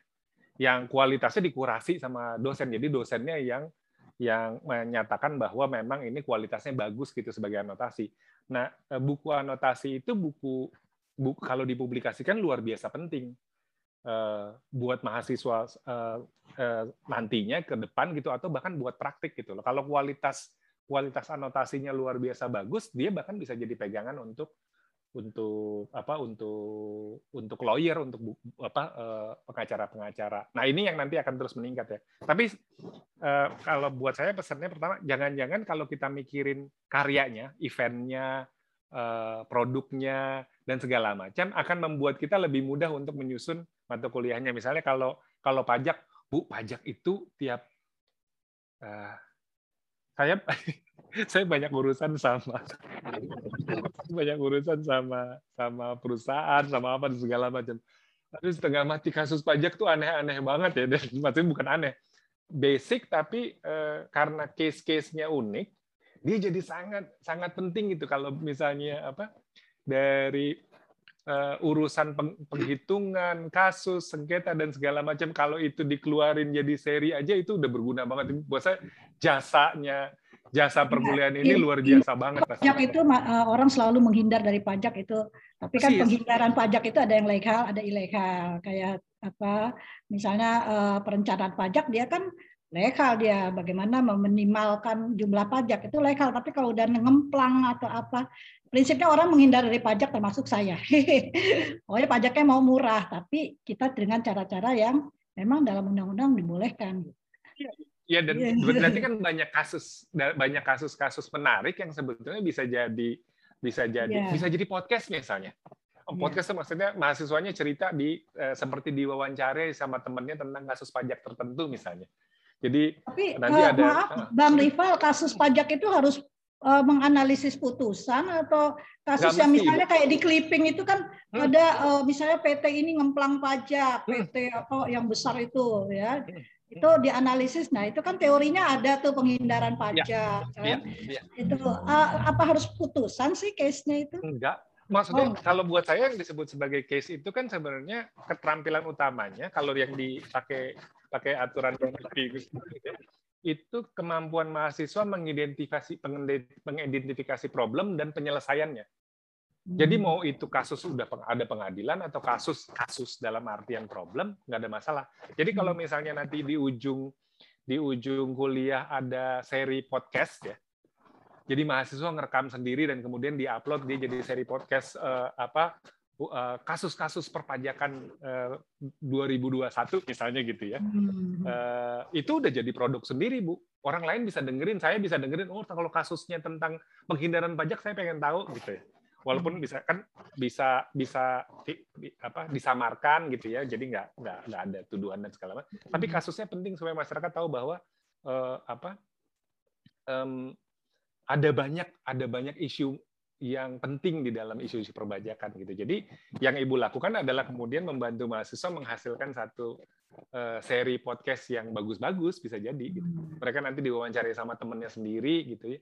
Ada yang jawab, mungkin ada yang ada yang menjelaskan, ada yang ceritain kasusnya. Nah, itu saya belum paham itu gimana itu nanti. Iya nanti nanti nanti nggak itu contoh aja. Tapi kalau misalnya podcast itu yang uh, ya intinya sama kayak video, cuman dia kan uh, audio gitu ya. Hmm. Jadi kayak radio ibu intinya adalah kalau kayak radio setiap minggu hmm. dia keluar gitu bisa dikeluarin nantinya tiap minggu. Tapi diproduksinya di tahun ini keluarnya bisa jadi di tahun depan gitu. Kan serinya bisa didengerin itu tapi Bang Rival maaf ya saya pernah dengar itu lama-lama itu dosen tuh nggak perlu. Mahasiswa itu udah lihat di YouTube belajar udah dapat ijazah. Lama-lama semua kan diganti ya. oleh oleh digital semua diganti dengan elektronik ya itu itu notaris saja sekarang udah tinggal stempel-stempel aja nggak perlu banyak yang nggak perlu nggak lagi nggak profesinya diganti dengan digantiin tapi kalau kalau dia nggak akan pernah hilang. Kan makanya lawyer sampai sekarang masih dibutuhin kan. Karena karena setiap tiap hal makanya ini metode sebetulnya menarik karena dalam banyak hal eh, peran dosen berubah jadi eh, orang yang membantu. Jadi kayak guide. Dia hmm. kayak eh, kan kalau mau ke Borobudur ya silakan aja datang ke Borobudur. Tapi kalau ada guide dia bisa jelasin apa membantu mahasiswa untuk melihat oh kalau ini penjelasannya seperti apa, kalau ini penjelasannya seperti apa. Nggak akan bisa digantiin kalau guide karena di situ terjadi interaksi antara uh, apa uh, sesuatu yang nggak hanya bisa dilihat secara visual nggak bisa didengerin gitu jadi fungsinya dosen memang akan membantu mahasiswa kemudian menemukan literatur yang betul mendapatkan apa uh, proses uh, apa berpikir yang yang pas gitu ya dan memberikan memberikan judgement memberikan penilaian oh, oh proses belajarnya udah terbantu atau belum gitu jadi memang kalau ceramah dan segala macam pasti udah digantiin. Digantiin dalam artian ya ibu kalau videonya videonya ibu akan mungkin eh, akan sepanjang masa satu kali buat aja. Toh setiap setiap semester jangan-jangan sama yang diomongin gitu. Kalau teorinya sama ya. Kayak kalau misalnya kayak saya teori perundang-undangan ya sampai sekarang misalnya belum berubah ya pasti sama apa yang saya omongin semester ini. Kalau saya putar sekali lagi eh put apa saya videoin dia pasti akan akan ya udah tonton aja gitu saya nggak perlu datang kita mungkin lebih baik diskusi gitu ya betul bisa jadi begitu ya ibu. Jadi peran kita sebenarnya akan jauh lebih kaya dibandingin dibandingin yang dulu.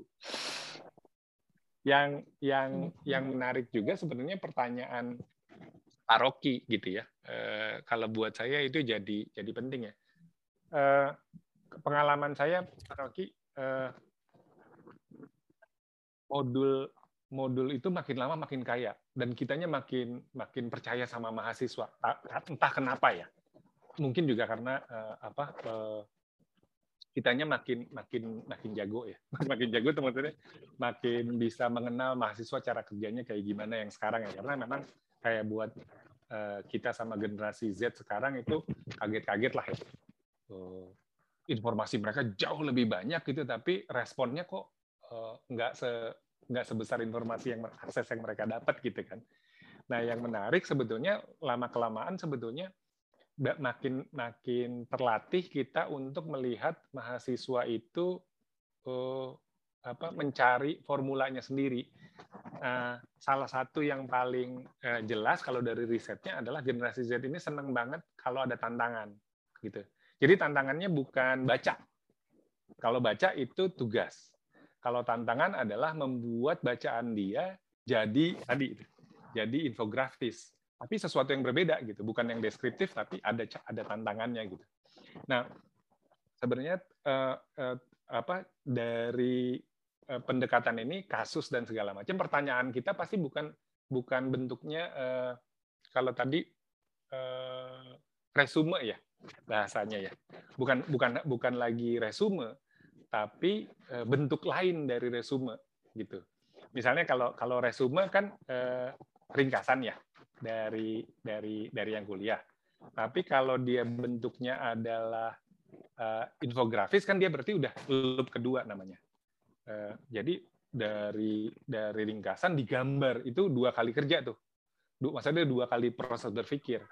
Kalau bisa ditambah lagi, ditambah lagi dia jadi uh, apa uh, kasus dia jadi loop ketiga karena uh, apa dalam proses dari bikin resume kemudian jadi gambar kemudian jadi penyelesaian kasus itu dia harus ber, apa, berkali-kali membaca bukunya nggak mungkin sekali kalau ngeringkas dia bisa nyontek karena nyalin aja jiplak gitu kalau jiplak, mas, uh, kalau kalau acara pidana itu mungkin sama juga di acara perdata misalnya. Hmm.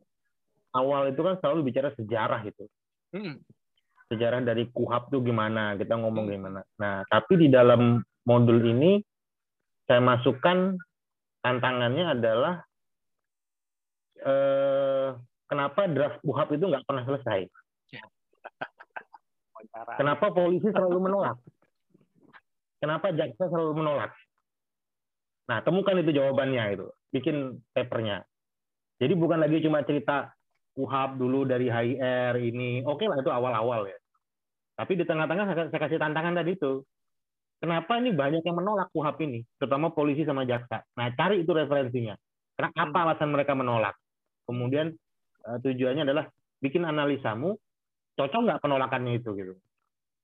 Kira-kira begitu mas kalau ya. kelompok uh, sama tuh. Persis, persis. Itu mau wawancara jaksa aja jadiin satu tulisan bentuknya wawancara itu udah jadi jadi jadi ini sendiri itu jadi produk jurnalistik. Bahkan gitu ya. Satu tugas itu gitu. Jadi kalau dia dikasih nama jangan-jangan eh, kan nggak mesti dapat kesimpulan ya, tapi toh setiap orang wawancara satu jaksa alasannya sama apa enggak gitu ya. Kenapa dia nolak? Itu kan jadi menarik. Kita bisa dapat kalau mahasiswa satu mahasiswa wawancara dua kita dapat 100 jaksa misalnya kalau mahasiswanya 50. Jadi ini tiba-tiba jadi hasil penelitian 100 jaksa valid tuh sebagai hasil penelitian bilang menolak karena apa. Itu jadi menarik kalau masing-masing kemudian jadi wawancara. Ya, saya mulai bayangin, jangan-jangan dari dari hal-hal yang tadi itu jadi luar biasa. Saya ingat banget eh, pidana, saya dikasih tugas sama Pak Tanjo dulu. Pak Tanjo waktu itu nih eh, di lingkar belajar, cari akar eh, asal dari kata denda jadi uh, akhirnya ke sana kemari nyari dan segala macam kemudian nggak nggak nggak nggak berhasil dalam artian ini ya ternyata kata denda itu ya ini ini jadi sampai sekarang saya kayaknya dan jadi buat saya untuk pelajaran peraturan. Denda itu dari kayu dendo. Uh, jadi orang orang orang dulu waktu belum ada KUHP eh, zaman Belanda orang Belanda yang Calvinis kalau lagi ngeliat orang Jawa lagi santai habis dari sawah siang mancing gitu dipanggil terus didendo didendo artinya dipukul pakai kayu dicambuk nah sejak itu si, apa eh, orang nyebutnya didendo tapi ketika ada KUHP dendo diganti uang. Jadi sebenarnya itu kan sejarah hukum pidana yang uh, trivia ya. Nah, ngumpulin trivia-trivia itu aja itu satu tantangan menarik. Maksudnya cerita-cerita yang Eh, kita anggap selama ini taken for granted lah gitu ya, wajar gitu ya, membuat mereka akan melihat oh seberapa penting ini sejarah gitu. Jadi bukan hanya topik materinya sejarah, tapi sejarah itu penting membuat kita untuk apa, paham bahwa yang disebut sebagai kata aja bisa berubah-berubah makna dan ininya gitu. Sampai sekarang saya keinget soal tugas dari Pak Tandio itu.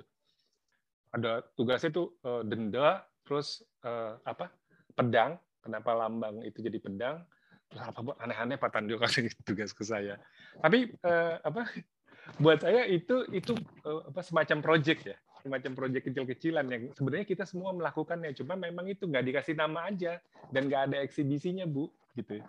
Jadi kalau buat Anggi misalnya atau eh, apa eh, tadi Mbak misalnya eh, tengah eh, kalau kita bagi tiga babak ya. Eh, babak pertama itu eh, apa mungkin belum masuk kasus, babak kedua kasus gitu ya, kita udah masuk ke UTS eh, dan babak ketiga itu mulai ngerjain proyek gitu ya. Jadi kita ada waktu, jangan-jangan kita punya punya apa ya, punya punya pembabakan yang membuat kita mempermudah eh, apa bikin modul ini gitu.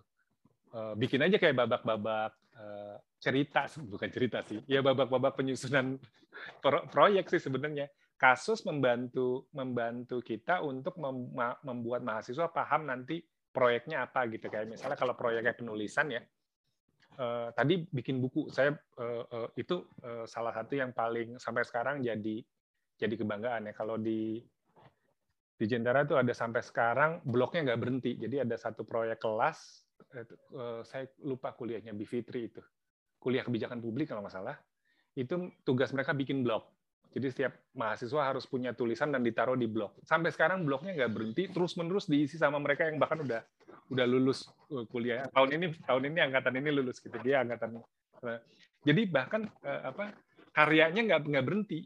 nggak di apa nggak di stop setelah kuliah mereka terus bikin bikin bikin bikin tulisan yang nyambungin itu gitu loh kan jadi buat saya agak menarik sebenarnya membuat mahasiswa punya karya sebetulnya punya produk gitu. Baik buku anotasi show gitu ya atau Instagram uh, apa poster kalau tadi ya. Jadi uh, kalau di saya udah pernah cerita kemarin ada pameran uh, poster kalau di Jentera dulu waktu itu uh, post, uh, pameran seni sebenarnya. Bisa poster bisa dan segala macam. Yang akhirnya nanti dipamerin jadi galeri dipajang satu minggu orang lain bisa nonton datang diskusi dan segala macam gitu jadi uh, kalau kita tahu bahwa ujungnya apa, sebetulnya yang kita lakukan sama aja selama ini sama kuliah, cuman di, digantikan dengan banyak dengan banyak, cuman dikasih nama berbeda gitu. Oh ini namanya studi kasus gitu ya. Tapi intinya studi kasus itu untuk memahami teori dan membuat mahasiswa bisa menyelesaikan problem gitu aja kan sebetulnya. Tapi kalau um, waktu waktu ceramahnya kapan ya dijadiin video atau kalau ada teks ya udah kasih aja bahan bacaan. Jadi kalau di modul Pak Oni sebenarnya saya nggak nggak terlalu fokus sama istilah-istilahnya, tapi kira-kira nanti kalau di LMS ya, LMS akan makin sederhana uh, modelnya. Di, yang disebut sebagai diktat itu nanti adalah kumpulan uh, lembar bacaan di setiap kan bisa diktat kan dipecah kan sesi satu sesi dua ini cuma benar week satu kalau di LMS nanti nih ada ada minggu pertama gitu ya minggu pertama tuh bahan bacaannya apa videonya apa penugasannya apa cuma gitu aja nanti mereka klik mereka baca bagian tertentu dari diktat. Kalau dikumpulin eh, semua jadi diktat. Ya, Mas Rival, um, di LMS, eh, saya punya LMS. Hmm. Itu kuliah pertama, kuliah kedua, kuliah ketiga, keempat sampai kelima, saya sudah uh, upload video-video per topik. Sudah ada. RPS-nya sudah ada di situ. Uh, tiap minggunya sudah ada videonya, tapi memang belum sampai sampai ke semua topik. Saya baru coba kemarin sampai lima topik masuk lah ya, gitu. Nah, kemudian di situ kan ada eh, tugas-tugas uh, mingguan yang tadi saya hmm. katakan bahwa hmm. tiap minggu tiap kelompok itu kan membuat dokumen. Hmm. Nah itu saya memang kalau kuliah ya pakai Zoom saya periksa gitu kan hmm. Eh, dokumen-dokumennya. Nah nanti kan dikumpulin di akhir jadinya resume itu tadi produk hmm. akhirnya eh, resume perkara perdata medico misalnya, resume perkara perdata asuransi misal atau perbankan ya karena masing-masing kelompok itu. Sehingga saya punya pembendaraan setiap semester paling tidak 6 sampai 7 case uh, resume gitu kan. Hmm. Nah, itu saya ya saya taruhlah di pustakaan saya begitu. Nah, itu akan dijadikan referensi buat angkat uh, semester yang berikutnya yang ada di kelasnya begitu kan. Makin dia direferensi sama adik-adiknya, makin bangga tuh kan kakak-kakak seniornya gitu kan. Tapi kalau sekarang metode yang seperti ini harus dijadikan uh, apa namanya ya semacam apa tadi ya show atau apa lagi dijadikan film atau apa pokoknya kayaknya lebih lebih lebih lebih panjang lagi ya rekam digitalnya kan artinya ya harus digital kan ya kira-kira gitu ya kalau resume kan udah kayak kan saya kayaknya tebelnya segini nih kayak kayak skripsi iya, tapi iya, lebih iya. tebel dua iya. skripsi gitu lah kira-kira tebel karena kan kumpulan dari dokumen yang begitu banyak iya, iya. sekali gitu sampai terakhir putusan gitu kan nah itu uh, uh, ya jadi akhirnya dia begini. Padahal kalau sekarang dia kan malas buka di tab kayak buka buku gitu kan. Dia kan paling enak begini ngeliat gini kan ya. Anak-anak sekarang gitu kan. Nah, itu kalau bisa uh, resumenya digital kan bagus sekali ya. Bagus, bagus. bagus. Oh, gitu. Bahkan bisa bisa jadi ya bisa jadi repositori sendiri ya. Hmm. Jadi uh, ada kayak tadi uh, blog kan kumpulan tulisan, bisa jadi ini kumpulan resume gitu yang memang kalau di, di jumlahnya bisa ya kalau diakumulasi terus akumulasi terus bisa jadi hak khusus sekali kamu satu Wikipedia bahkan Resumepedia gitu. Kasih nama itu juga udah jadi referensi sendiri. Orang kadang-kadang jago ngasih namanya aja pak isinya mah kita jangan-jangan bisa bikinnya. Ngasih namanya jago. Jadi iya. kayak kayak yang bang Rocky cerita tadi misalnya apa yang udah dilakuin itu kan eh, kita nggak kita nggak kita nggak dagangin aja jadi produk Bedanya cuma itu. Artinya kalau dia dikasih nama, dikasih eksibisi, dipublikasi, di, di marketing itu sama mahasiswanya sendiri gitu ya. Itu udah jadi udah sebenarnya proyek. Nah, tugas kita karena memastikan mahasiswanya bekerja uh, apa uh, riset yang benar, dapat referensi yang benar, punya teman diskusi yang otoritatif gitu ya. Ada yang uh, apa memastikan meng, apa ya, quality control gitu menjaga kualitasnya kalau tulisan misalnya Kayak gitu sih sebenarnya jadi fungsi ya. fungsinya dosen. Saya ada pertanyaan Pak uh, hmm. Dari kumpulan-kumpulan resume yang saya sudah uh, puluhan hmm. banyaknya gitu, karena kan setiap kalau saya sudah lama sekali ngajar seperti ini, hmm. itu kan jadi uh, gini misalnya teman-teman alumni-alumni yang baru lulus bikin law firm, gabung hmm. segala macam hmm. gitu kan. Begitu dia dapat case, hmm. Mas Tony, saya dapat case perdata nih, hmm. perbankan misalnya gitu. Hmm. Punya nggak gimana ya Mas? Saya problemnya seperti ini. Saya hmm. kasih nih resume perkara uh, hmm. apa namanya kakak-kakakmu nih hmm. perbankan gitu kan. Saya kasih resumenya saya pinjem lu mau mana apa dua minggu tiga minggu sebulan ya gue kasih nih nanti balikin lagi ya pakai syarat terima segala macam kan saya gitu suka gitu nah itu jadi acuan juga gitu kan nah bagaimana caranya supaya saya punya dapat nilai lebih nih sebagai dosennya nih jangan lu manfaatin jangan lu manfaatin aja buat kasus lu gue nggak dapat apa-apa nih cuman gua buat nyimpen nyimpen aja nih kan? Gitu loh. Nah, gitu bisa, gimana bisa. caranya supaya kita jadi apa diformatkan gimana supaya saya dapat kum, saya dapat uh, uh, apa namanya? Terbitin, uh, Mas. Gitu ya. Bisa diterbitin uh, bisa dibuat digital uh, ya. uh, di bisa, value divaluasi ya, lebih bisa. Betul. Oh, gitu ya. kan nanti ada Mas Oni nanti kan ada web base yang di dalamnya ada logbook yang tadi Ruri bilang bahwa di dalamnya itu kan pasti nanti ada bisa memasukkan data-data yang bisa dilingkan uh, ke perpus. Nah, itu kan Mas Oni bisa berkontribusi di situ. Nah, bisa e-booknya itu bisa eh, meng, apa namanya hasil kumpulan eh, pengajar gini-gini. Jadi mentionnya mention nama Mas Oni seperti itu. Kurang lebih kalau misalnya mau diterbitkan ya boleh. Silakan. Sekarang tuh youtuber kerjaannya itu pak. Oh. Youtuber itu kalau misalnya kan ya, lihat aja. Oh, kalau youtuber biasanya banyak yang sampah ya tapi kalau mau nih jadi, ya kan maksudnya kan, kan yes. jelasin yes. make up gitu, yep, apalah betul. gitu satu. Ini kan ambil kalau Pak ambil bisa video ratusan gitu ya? video, iya ratusan video ngejelasin satu resume, ini kasusnya apa, ininya yep. apa, yang menarik mm -hmm. apa, atau uh, minta mahasiswanya untuk menjadi wawancara atau sebaliknya mm -hmm. misalnya gitu ya bisa dibuat banyak model. Tapi kalau Pak Oni bisa punya ratusan video YouTube sih itu udah duit sendiri. Iya, podcast langsung aja Duit, Mas Oni. dalam artian uh, segala macam uh -uh. secara material ya. Benar. Eh, itu bisa diomongin. Uh, ya saya sih punya uh, akun YouTube sih udah punya akun YouTube. eh diajarin baru gitu.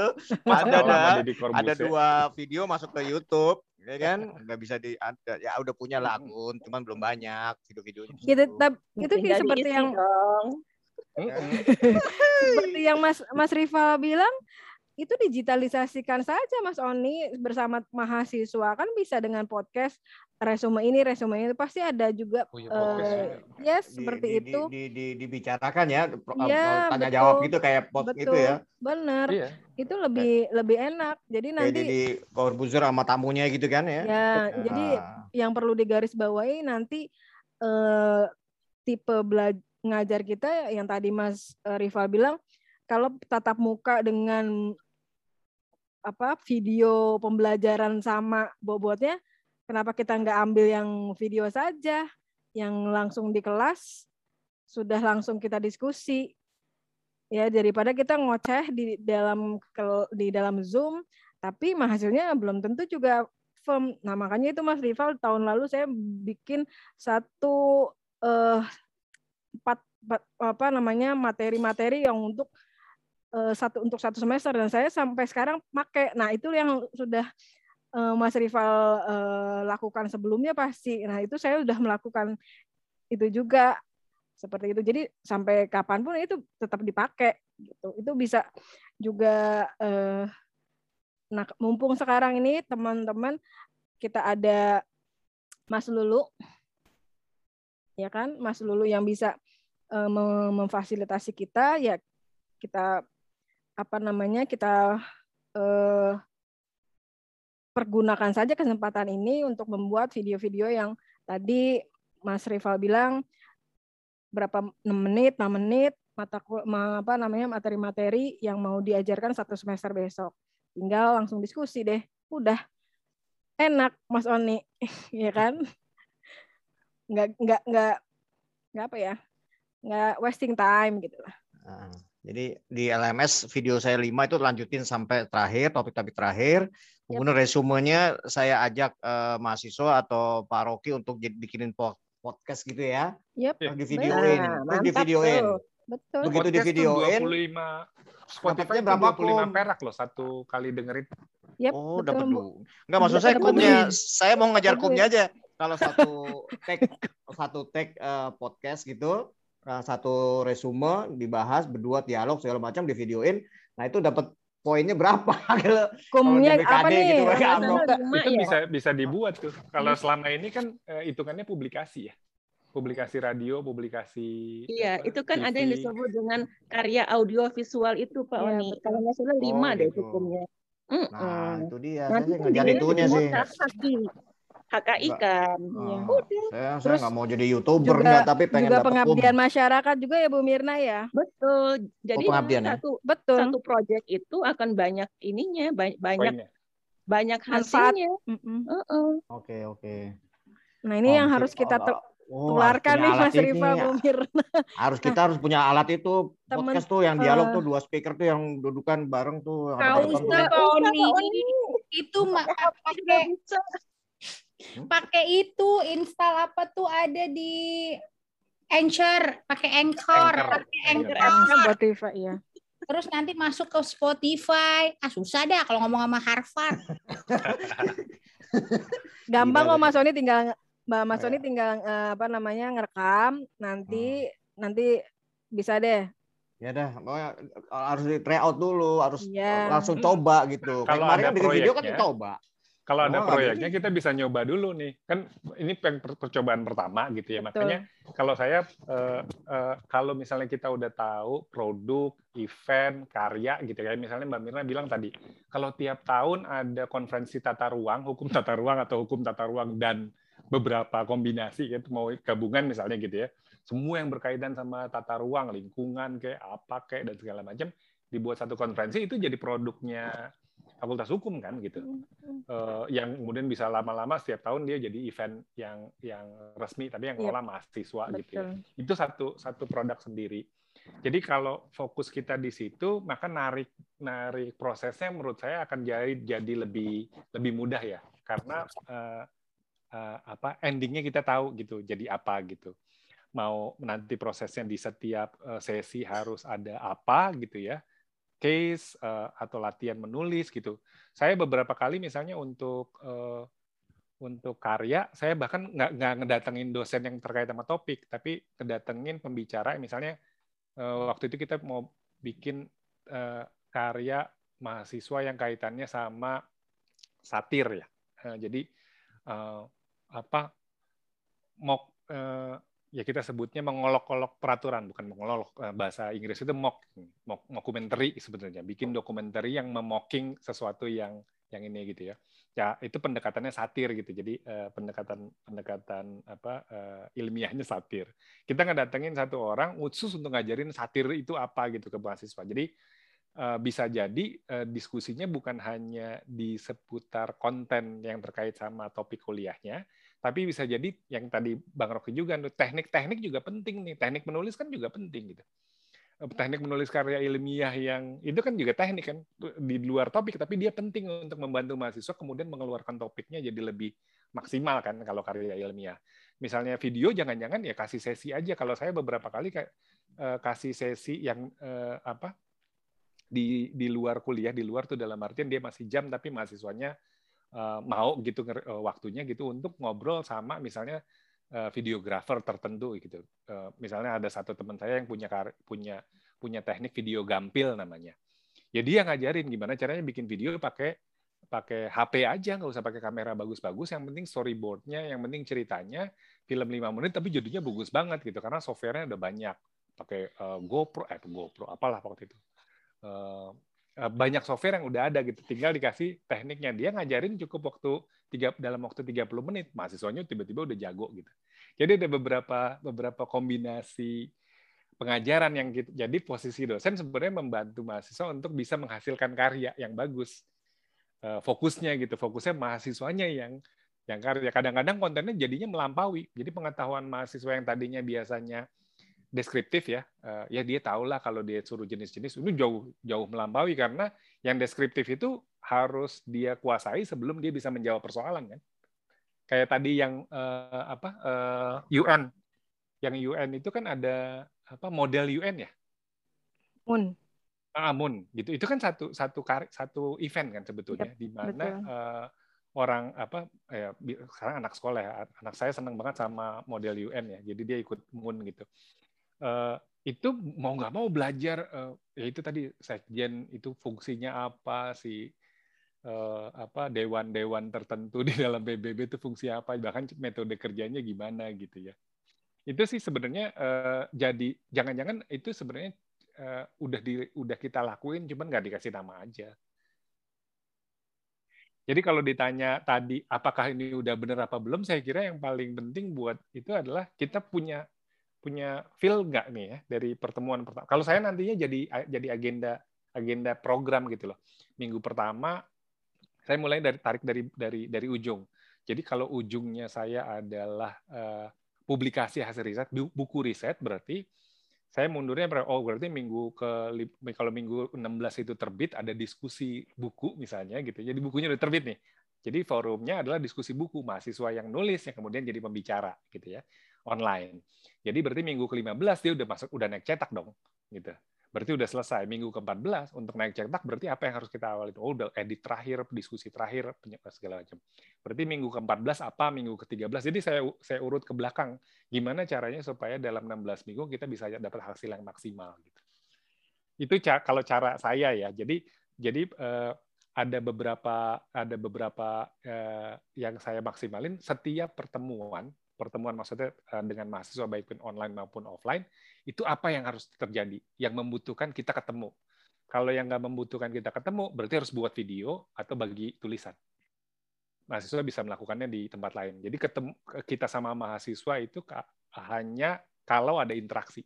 Dan interaksinya itu yang berkaitan sama produk gitu. Mengasah eh, najemin Eh, tanya jawab gitu ya. Mereka presentasi, latihan misalnya. Jadi bentuknya kayak latihan sampai sampai final sampai nanti masuk babak final di ujung. Saya ngebayangin nih Bang Rogi. Jadi kalau misalnya udah ada skenario itunya, itu akan lebih akan lebih memudahkan kita. Di beberapa kasus sebetulnya eh, kita berubah di tengah jalan. Misalnya oh, ternyata mahasiswanya kayaknya nggak pas nih, gitu ya. Hmm. Uh, ubah, cuman uh, kita tahu tujuannya tetap dapat gitu ya uh, apa karyanya diganti gitu. Oh, uh, waktu itu saya ganti misalnya dari dari apa? Dari bikin video jadi uh, uh, uh, layanan masyarakat, jadi jadi penyuluhan. Uh, mahasiswanya ternyata uh, dari sisi uh, proses mereka lebih lebih cocok kalau mereka datengin kampung dan kemudian ketemu sama banyak orang. Jadi bikin bikin acara di satu kampung dan mereka bikin penyuluhan tentang sesuatu gitu itu juga juga juga kalau kalau bayangan saya sebagian sebagai karya atau yang namanya terakhir advokasi gitu. Bikin naskah akademik itu real gitu. Yang yang jadi penguji bukan hanya saya tapi teman-teman LSM yang mau advokasi kan. Karena mereka mau pakai barangnya si ma, si mahasiswa ini gitu. Saya juga nggak mau malu gitu. Jadi eh, hasil naskah akademik sama rancangan uh, undang-undangnya itu beneran akan dipakai langsung gitu. Itu bisa dianggap sebagai bagian dari dari karya. Jadi kalau di ujungnya apa kita tahu bayangan saya narik mundurnya sampai ke kuliah pertemuan pertama itu akan lebih gampang. Bahan apa yang harus kita sediain juga akan jauh lebih mudah sih. Alhamdulillah